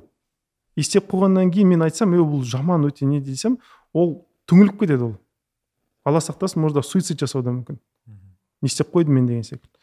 И бұл жерде айтатын нәрсем істейін деп жатқандар жоқ деп айтамын категорически жоқ деп айтамын бірақ істеп қойғандарға айтамын өте көп өте көп. Өміріңнің соңына шейін тәубемен өткізу керек. Өйткені одан кейін адамның рухында көптеген жанды нәрселер өліп қалады. Это все равно что стать инвалидом. Ну, то есть мүгедек болып қалады да рухани. Сондықтан өмір бойы өмір бойы просто енді одан кейін сен жай өмір сүре алмайсың уже. Если аборт жасап қойған болсаң одан кейін просто жайбарақат ана айтады ғой тәке ә, аты бір рет аборт жасаған әйел екінші рет иә ол өйткені алла тағаланың бе- берген нәрсесінен бас тартса ол зачем алла тағала неге беру керек қайтадан қайтадан бас тартсын деп па? То есть ол дұрыс нәрсе емес қой енді. И ә, бұл жерде айтқым келген нәрсе мынау жасап қойғандарға. Иә мысалы айтқым келетін нәрсе мынау. Жайбарақат басқа адамдар секілді өмір сүре алмайсың. Бұрынғы өмір сүрген секілді өмір сүре алмайсың. Бұған дейін бұдан кейін өл- өлгенге дейін қанша жылың қалды? Мысалы өмір сүру иә? Аллаху алям барлығын ғибадатпен максимально толтырып өмір сүру керек. Максимально. То есть уже андай просто так там бес уақыт намазбен ғана құтыламын деген өйтіп ойлама деймін да. Көп дополнительно жасауың керексің көп оқуың керексің көп дамытуың керексің. Өзіңді полностью тұлға ретінде мүлдем басқа адамға өзгертуің керексің. Уже болмайды уже андай э, там стандартный пакетпен былайша айтқан уақытта бес уақыт намаз қылсам оразамды ұстасам сол маған жеткілікті жоқ. Ол обычный адамдарға болуы мүмкін. Бірақ уже жасап қойған адамдарға дополнительно көп нәрсе жасау керек болады. Вот. мүмкін сол үшін шығар кейбір ә, тіпті еуропа мемлекеттерінде абортқа деген заң өте мысалы польшада мен білсем олар ә, оларда да дін католик болғандықтан олар соны рұқсат бермейді деген сияқты. Немесе ә, американың кейбір штаттарында сондай бір иә оларда андай бір плюстар бар сол жағынан. Олар мысалы даже мынандай нәрсе бар. Ватиканда м, енді бұндай детальға кіретін болсақ мынау нәрсе бар да. Ә, жыныстық қатынаста презервативті қолдану рұқсат етілмеген ватикан бойынша. Да ватиканда сол нәрсе ватиканда. Жылда сол бір сұрақ көтеріледі да почему нам не разрешают деген секілді анау там андай контрацептив деген секілді там противозачаточность қолдануға болмайды деп сондай бір нелер бар заңдар бар. Біздің егер дінге қарайтын болсақ хадис бар. Егер ер адамның ұрығы сыртқа шықса әйелдің құрсағынан емес сыртқа шықса ол да бір өлім деген хадис бар. То есть ұрықты сыртқа шығарды жаңағы мысалы қапшыққа шығарды жаңағы презервативқа шығарды допустим да. Пайғамбар саллаллаху алейхи вассаламның хадисі бар ол да бір өлім деген. То есть это тоже убийство какого то Иә. какой то категория бір убийство. То есть бұл не деген сөз что бұл жақсы нәрсе емес. Бұл бұл практика жаңағы сыртқа шығарып тастау бұл жақсы нәрсе емес. Пайғамбар саллаллаху сөйтіп айтып тұр да. Вот. Сондықтан ә, бірақ енді ол хадистерге дейін нам еще далеко. Грубо айтатын болсам. Иә біз әлі ондайға былай үйренбегенбіз. А неде европейский страналарда иә ондай нәрсе бар. Олар прям оны қатты ұстанады. Мысалы нелерде бар. Мормондар дегендер бар америкада тұратындар. Олар вообще категорически ондай. Иә. олар иә вообще категорически қарайды. Бір екіншісі олар мысалы жиырма отыз әйелден алатын себептер де сол бір жағынан. То есть оларда жиырма отыз әйелден болады да көп болады. Таке онда онда мына- мына- мынандай сұрақ пайда болады. Сонда баланы бізде де жоспарлау дейді ғой ондай бар ғой жоспарлау бар жоспарлау бар. бірақ оның үкімдері бар там жеті ма сондай шарты бар? Мысалы соғыс болған жерде Иә. жасамауға болады. То есть бала жасамауға болады деген сондай не бар. Ашаршылық болған кезде сосын ә, бір финансовый экономический сондай ә, әлеуметтік сондай бір кризистар деген секілді. Сондай бір форс мажорлар болады ғой. Или мысалы там баланы асырай алмаймын деген сондай бір нелер. Мен бұл жағын енді имамдарға қалдырайын. Имамдардан барып сұраса жақсы болады да бұл мәселе. Но бар ондай нәрсе бар. Бұл жағын қарастыру керек. Но айтқым келіп тұрған нәрсе ондай нәрсе бар. Но біз оған дейін әлі жеткен жоқпыз. Былай общество ретінде қауым ретінде ондайға пока жеткен жоқпыз. Біз әлі андай әлі талай талай мәреден өтуіміз керекпіз. Әлі талай нәрсені оқып зерттеп өзіміз дамытуымыз керекпіз. Но ондай нәрселер бар. Это как үй салу секілді. Фундамент салу бар там қабырғасын крышасын сосын внутренний отделка болады тонкий такой дизайн секілді. Вот ол дизайнға ұқсас бір нәрселер да ол тонкий нәрселер. Оған дейін жету үшін үйді салып алу керек та бізде әлі фундаментта жүрміз да әлі. Иә оған пока алыс иә бірақ иә өте енді жақсы жаман айтпай жақсы жоқ деді ғой. Мысалы біз шынымен мен статистиканы зерттеймін. Сол кезде бізде шынымен елімізде біраз ыыы кері қарай жүретін статистикалық нелердің ішінде көп жерде өкінішке орай топтамыз. Мысалы оның бірі біз есіне болса мен қараған кезде топ бестікке кіреміз суицид бойынша. Ыыы менің ойымша аборт бойынша да біз иә бізде бізде көп ондай, иә. емеспіз жоғарыда жүрген сияқты. Өкінішке орай өте көп. Иә. Тәке көп рахмет. Бүгін осындай бір ерекше уақыт бөліп бізге осындай ә, не шынымен біраз зат түсіндік үйрендік. Ә, біз ерекше осындай бір ә, подкастпыз бізде ә, осы әр ә, подкасттың соңында біз өзіміздің ә, сүйікті бір жобамыз бар. Ол мазмұндама деп аталатын ә, бір жоба. Ол ол жерде біз қазақша мектеп ә, қазақша кітаптар аударылған. Сол жерде сізге бір ә, сыйлық ретінде осы мазмұндаманың атынан сыйлық көп рахмет. А, оны қазір табыстайды. Енді сізге ә, тәке мынандай сыйлық ол ә, сіз ә, енді қыздарыңыз бар есінде иә болса? үш қызым бар. Ә, балаларыңызға үш қызыңызға осындай бір үш кітап бердік. Ә, ашып Иә, көрсеңіз болады галилео галилей кім никола тесла кім? Исаак ньютон кім тесла не ғой андай? ыыы, Иә. ғалымдардың арасында мен кумирім деп қоямын. Да да? Да бұл бұл адамның несі жаңағы өмірі ерекше. Бұндай ғалым бол, болған емес. Иә и ну, такой особый адам көп рахмет. А, жақсы. Мынандай үш кітап. Мхм. Иә. Иә осы кітапты сізге табыстаймыз Таба- мазмұн ыыы, иә осы осы кітаптарды табыстаймыз Та- мазмұндама көп рахмет. Алып тұрыңыздар Жақсы. иә осыны қазақша көп кітап Иә, оқу керек деп ойлаймын. әсіресе балалар әдебиетінде. Жақсы нәреке көп рахмет. Ал біздің подкастқа жазылыңыздар шақырғандарыңызға Иә. өстіп қадірлеп. И жалпы андай Иә. анда санда осындай әңгімелерде сөйлескім келеді да. Ол да бір үлкен нығмет иә. Көп рахмет шақырғандарыңызға. Келіп тұруға Иә. қуаныштымын. Если я вам не надоел пока деп па? Э, жоқ тәкен сізді әрқашан күтеміз. Иншалла тағы да жазармыз деген үміттемін. Ал тыңдармандарға подкаст ұнаса біздің инстаграм тик ток және әсіресе ютуб парақшамызға жазылыңыздар. Және такиннің керемет инстаграм және телеграм каналдары бар. Жазылып ә, бөлісіп тұруға болады. Қош кез, ә, кездескенше күн жақсы деп айтайық. Бәріне ә, ассалаумағалейкум деп айтайық.